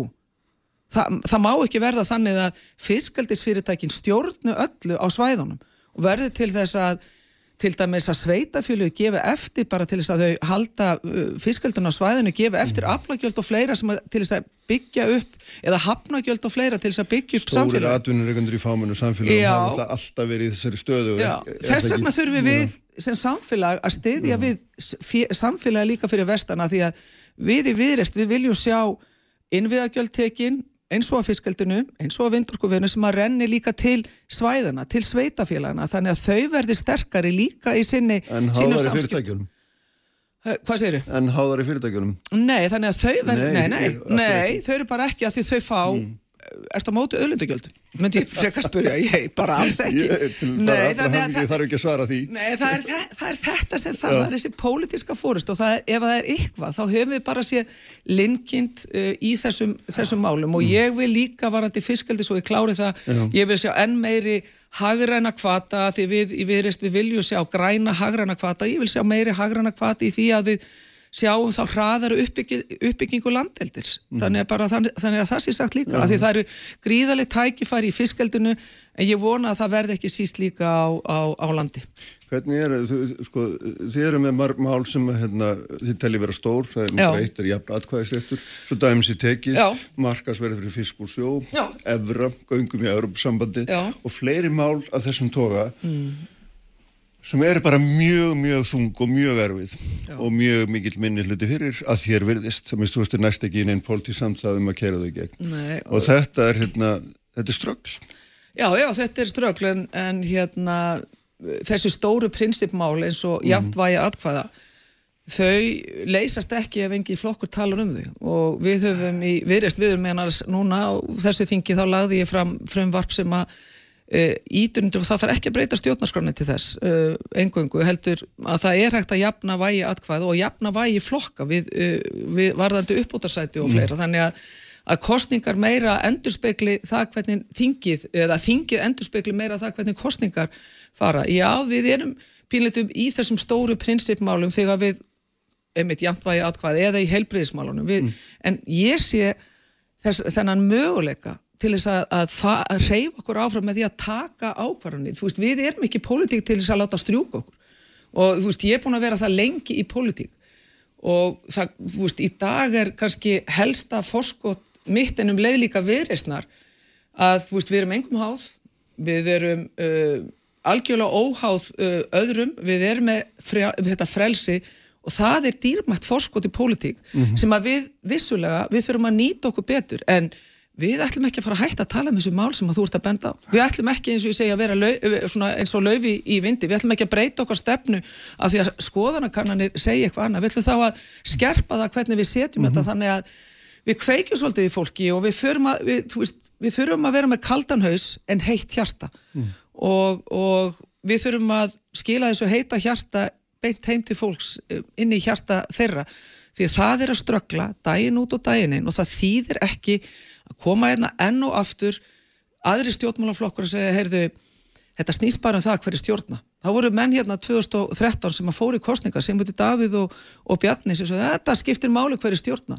Þetta eru fínir menn, en tíu ára setna erum við í sama strögglunum með gjaldmiðilinn, sama strögglunum með verðbólguna og vextina, þannig að fólki verður að fara að segja, heyrðu, við ætlum ekki lengur að, að kingja þessari vittlesu og við þurfum flokk sem að, sem að treysti sér í þessa baráttu um að breyta svona kjartakerfunum. Það kostar kraft, það kostar ákveðu hugreiki og við höfum það.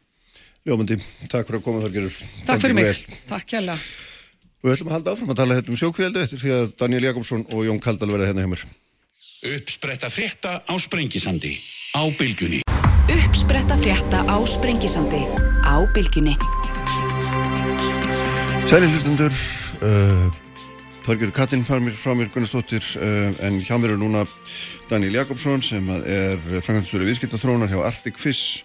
Hann er á símanum vestan af fjörðum. Sæli blessa Daniel Sætlu blessaður, Kristján. og Jón Kaldal er hér, talsmaður Íslenska náttúruvendasjósins uh, auðvitað fyrirandi riðstjóri og svo framvegis.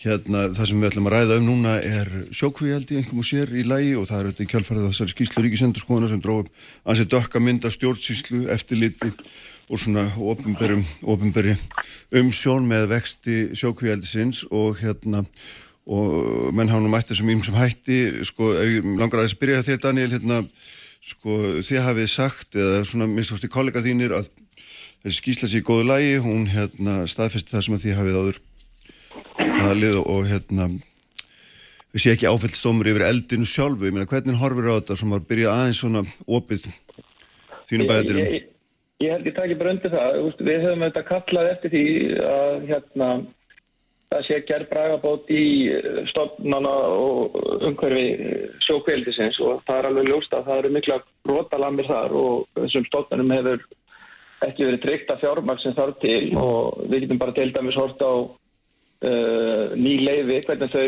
eru afgreitt að til dæmis eins og við erum með uh, umsóknum leifi í, tilfellskeldis í Ísafjörðdjúpi Það lauk umhverfismatinu fyrir tveimur árum síðan. Uh, öllu jöfnu á maður að fá, fá leiðið gefið út kannski innan einsteg tekja mánuðar.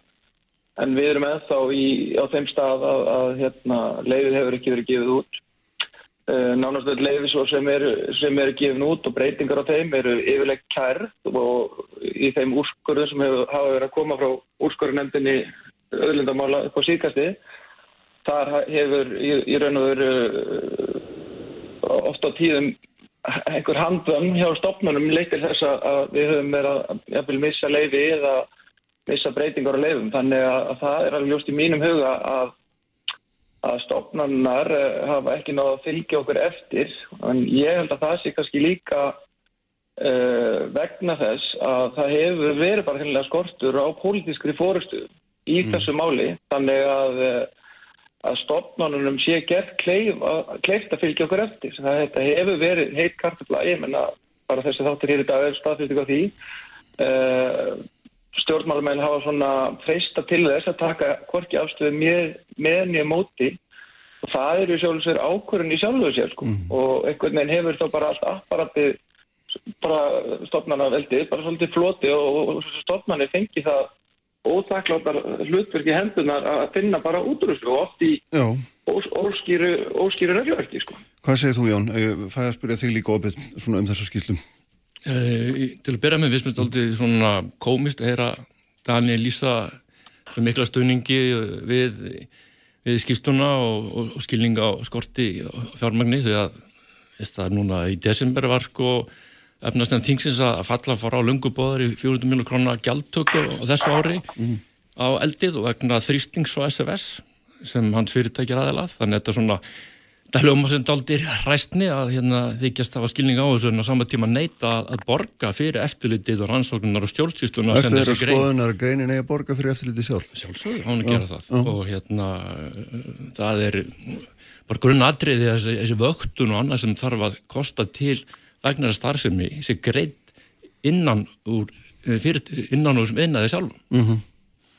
en svo náttúrulega er þessi skýrsla náttúrulega bara sínir það sem um, hefur verið bent á í mjög langan tíð langan tíð af okkar samtökum og fleiri uh, stofnarinnar eru illa undir þetta búnar lagungjörni slæm og við þurfum að gera miklu mjög betur þegar uppi staði þá erum við með gríðalega mikil vermaði sem sem er í náttúrunni, viltum stopnum og lögin er ekki að, að tryggja venn þessara ómetalögu vennmætt okkar sem mm. þjóðar.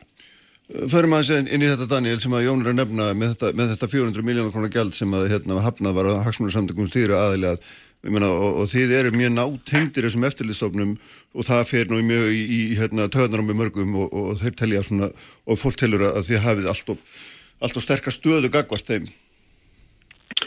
Ég held að þessi ræða hérna hefur Jóni Kaldal sé mm. akkurat vandamáli í umröðinu. Ég var með gesti hérna í gær og uh, í heimsum hummer og þeir segja alltaf sko, ég veit ekkert hvað mér á að finnast um fyrskjaldi og veist ég er einhvern veginn alltaf sammála síðasta ræðumanni. Og það sem er vandamálið í umröðinu er að það er endalust að halda á lofti einhverju rungum fullriðikum. Og Jón saði nú bara hérna fyrir tíu sekundu síðan að það var, hefði verið fallið frá laungu bóðaðri hækkun á e, sköttunum. Þorgjörður Katrín sem var í viðtali hjá þér hérna áðan, mm.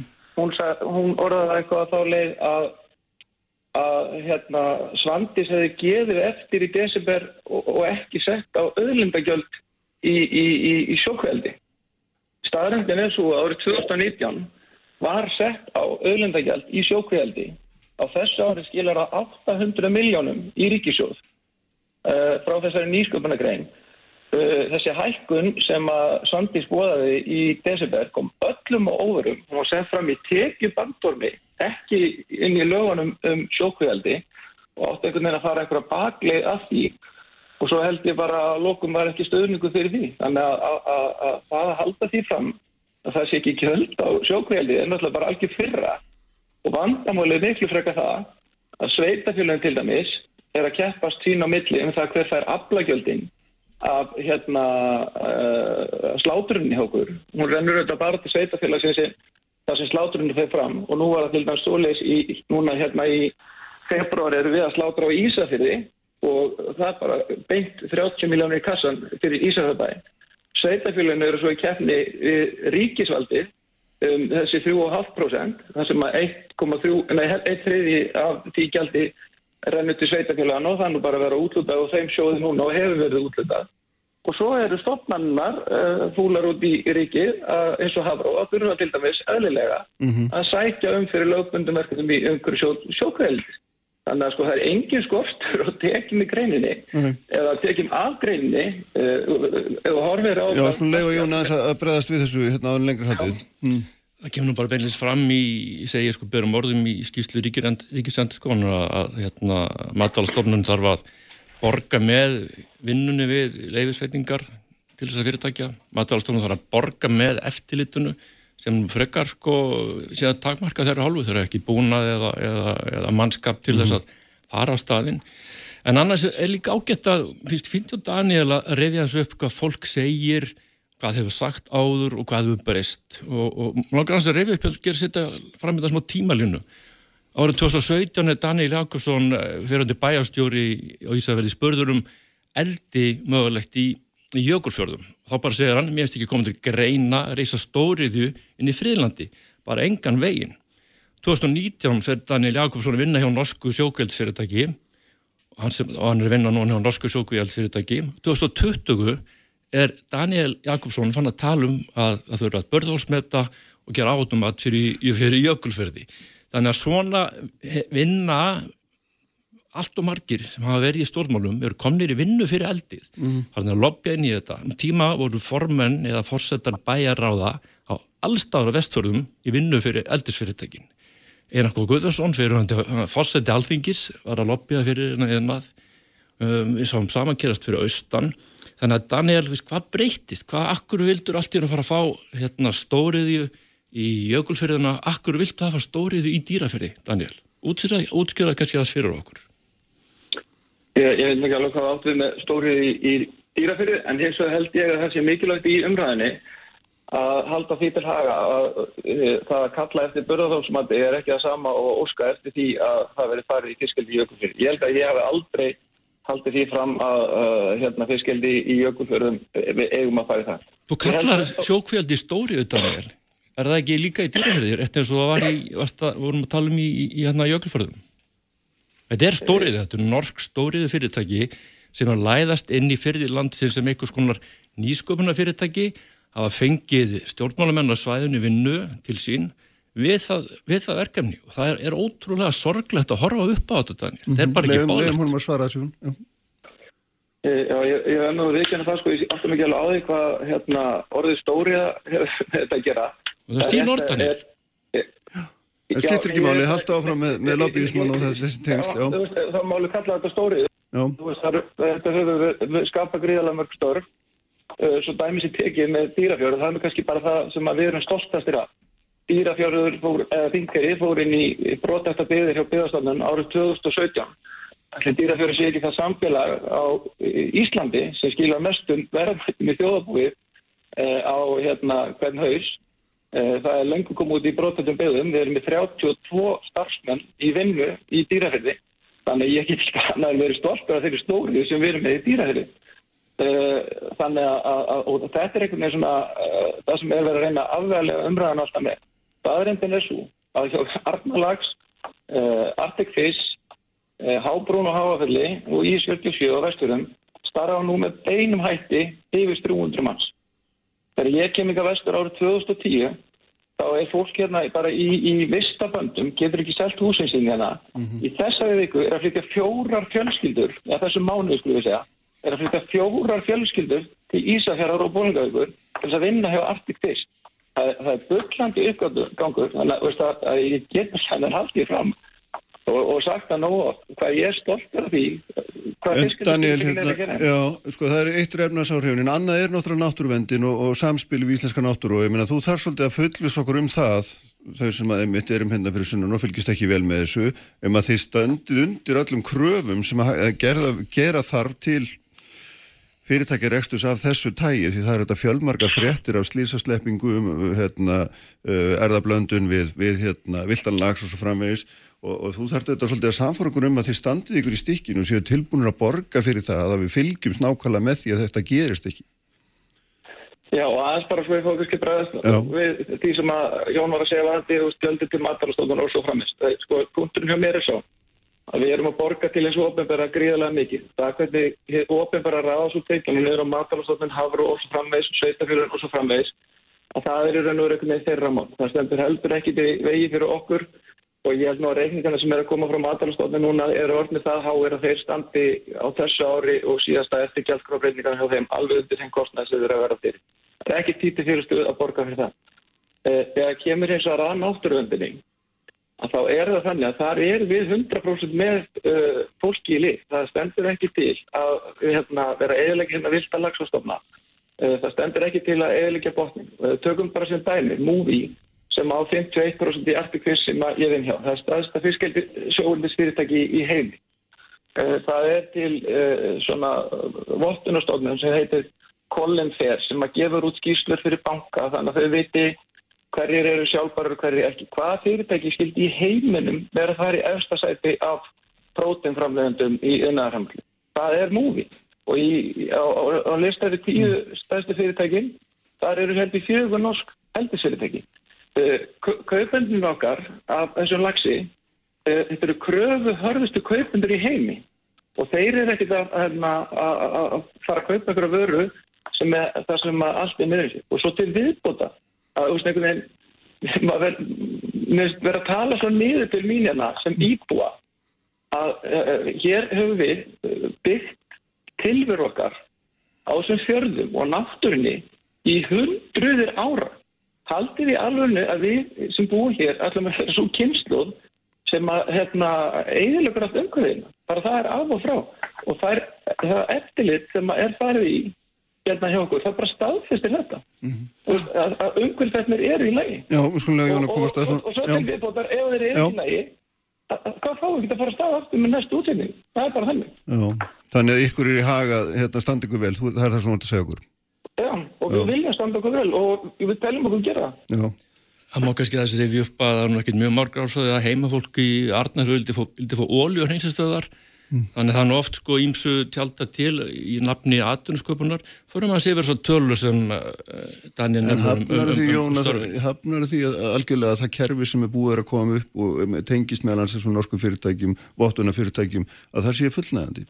Já, ég bara, ég, við, við sjáum uh, sko mikið af þessari vottun, þessari fyrirtækja, kvílur innra starfi innra eftirliti hérna eldisfyrirtækina sjálfur er Leðum í nú, Daniel, Daniel, leðum með nú þú er búin að hafa árið það lengi Býta Að aðeins, hérna, þú kemst að, Daniel, býta aðeins, þú kemst að, já. Arnarlags til dæmis, núna er með á sér 120 mörgurna sekt vegna þess að fyrirtæki tilkynnt ekki um 80.000 fiskar sem er mist út úr kví. Það leið ár þar til að komi ljós hvað virkilega hafi gerst. Það var engin ástæða fyrir öðru þarna að, að fara í félum með þetta heldur en vegna þess að fyrirtæki missir vottanir og viðskiptasamninga ef þeir, ef þeir hérna, tilkynninda fyrr. Þau var alltaf að reyna að leina þessu. Förum svo aðeins yfir þessa, þessa meintu atvinnusköpun. Í fyrsta lagi það hefur sjókveldi verið í Íslandi meira að minna 40 ár mýmsum hætti. Þetta er þriðja bylgja núna. Fyrirtæki Daniels, Arnarlags og Arctic Fish þau aldrei greitt við tekjuskatt. Arnar, Arnarlags er með rætur til aft- aftur ásið 2007. Þetta fyrirtæki hafa aldrei greitt tekjuskatt.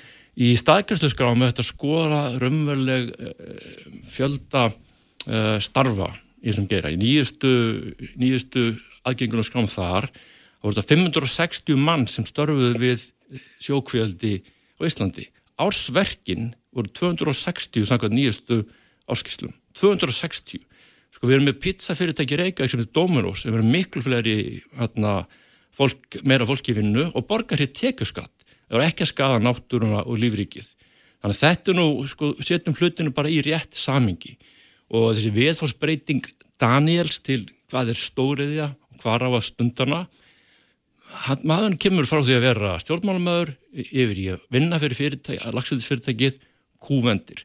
Þetta er ekki hægt að horfa upp á -hmm. þetta, hvernig, hvernig stjórnmálumöðinir sem eru eigar fulltrú almennings eru sem færðin að vinna fyrir sjálfan sig og enda í vinnu hjá, hjá þessum fyrirtækjum sem eru síðan að lobbyja kerfið. Þetta er algjörlega ótrúlega að horfa á þetta frá opnu tjöldum. Við skulum hleypa Daniel Daniel? Já, hérna, sko, ég get bara ekki ítrekka það nægilega mikið og ég veit ekki ekkur að Jón er að leggja með það orðum en að ég hafi einhvern tíma verið á móti fiskildi. Ég hef verið frá því að fiskildi kom á vesturi helsti stuðningsmæður fiskildi.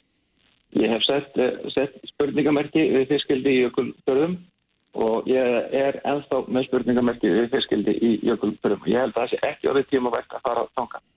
Varandi tilkynningar og þetta er enn og aftur að Jón sem hagsmuna aðli og lobbyist í þessari grein sem það greitir það að vinna gegn uh, fiskaldi, hann verður að vanda málflutningin og hann getur ekki endalust verið að fara með rámt mál. Uh, hann segir hérna til dæmis á þann að, og ekki það ég ætla að fara að ver, verða Arnarlags, ég held að það sé bara mikilvægt að, að rétti rétt.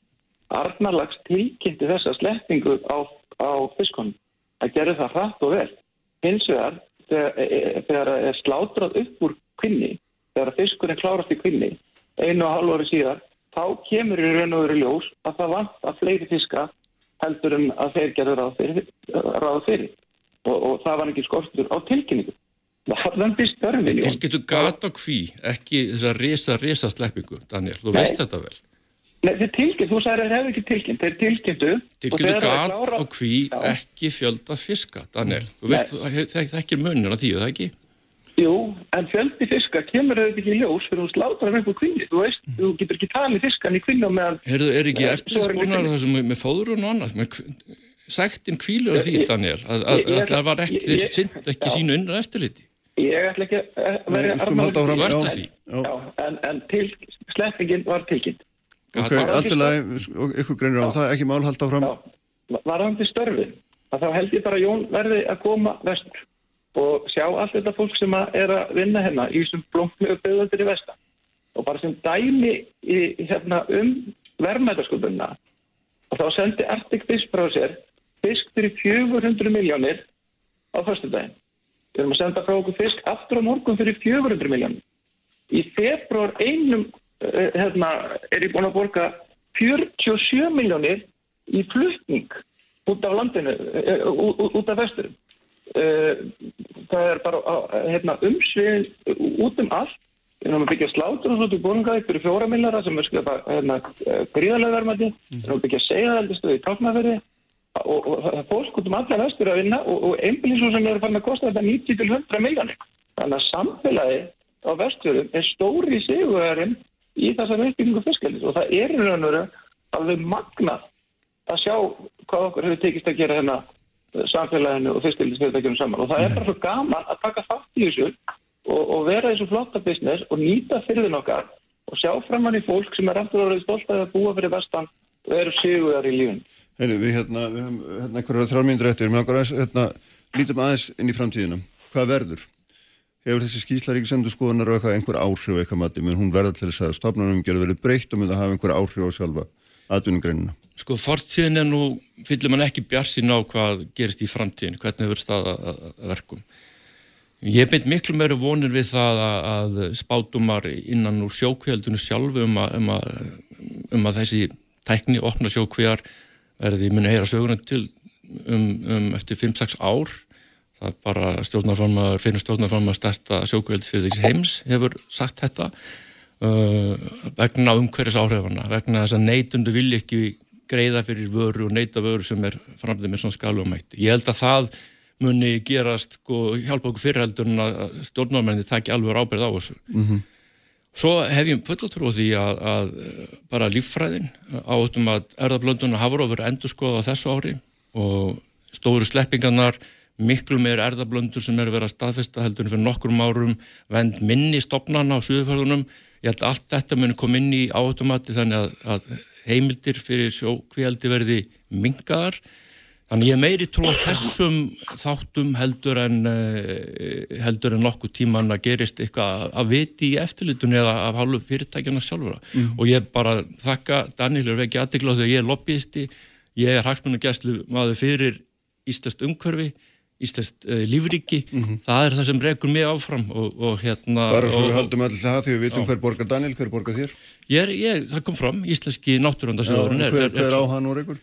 Þetta er uh, eh, sálsegnastofnun, góðgerastofnun, við þykjum framlög frá, uh, þegar framlög frá sko, tögum einstakleika fyrirtækja, mm. alltaf í stæsta framlög sem ekki fengið að vera frá útesta framlögum Patagonia sem styrst okkur verið þremar árum um uh, tíðost dollara einstakka fram, fram, framlægið, ah. en við þykjum ynga stóra styrki, þetta er fjölda samtök og gríðala margi sem leggja handapló. Mm -hmm. Hérna Daniel, sama spurning til þín, hvernig sér þetta fyrir þér? Þú er eina myndu til þess að rétt að útlista það. Já, ég held, held, held mér reyndar að það þurfir meira en einhverja marga smáastyrki til þess að borga Jóni þessar 100 miljónir sem hann er bröðið í 2017 eða hvað það er. En hérna, en hérna, sko, ég hef miklu að trú á, á fyrskildunum. Uh, greiðalega miklu að trú. Uh -huh. Og ég, ég held að þessi skýrsla og ég bind búinu til þess að hún Eh, sé kannski eitthvað svona núlbúndur og bæði stjórnmálamenn, fjölmeilar og við öll þurfum að geta rætt um þessu grein með eitthvað svona vitibortum hætti. Mér finnst mikilvægt að það sé, eh, að, að sé algjörlega kristalskýrt að hér er búið að koma á skattakerfi í sjókveðaldri sem tryggir hinnu ofinbera hærra slutfall af veldu greinunum heldur ekki skort bæði í Nóri og Færum eða í það mista jafnátt. Uh, það er engin vaðum það að hér hafa skapast gríðalega mörg störf og við eigum alveg að geta mm. gert þetta án þess að náttúran skadist og öllum til sóma. Já, það er ljómandi Daniel því miður, það er hérna Örfór sekundur eftir, bestu þakkir vera, vera með okkur og takk fyrir að koma Jón. Takk fyrir hérna, Þetta er örglega ekki síðust orðin í, síðust orðin í þessari, þessari deilu. Ég var Davíð Haldursson styrði útsendingu og við erum samla með ykkur aftur eftir viku, verið sæl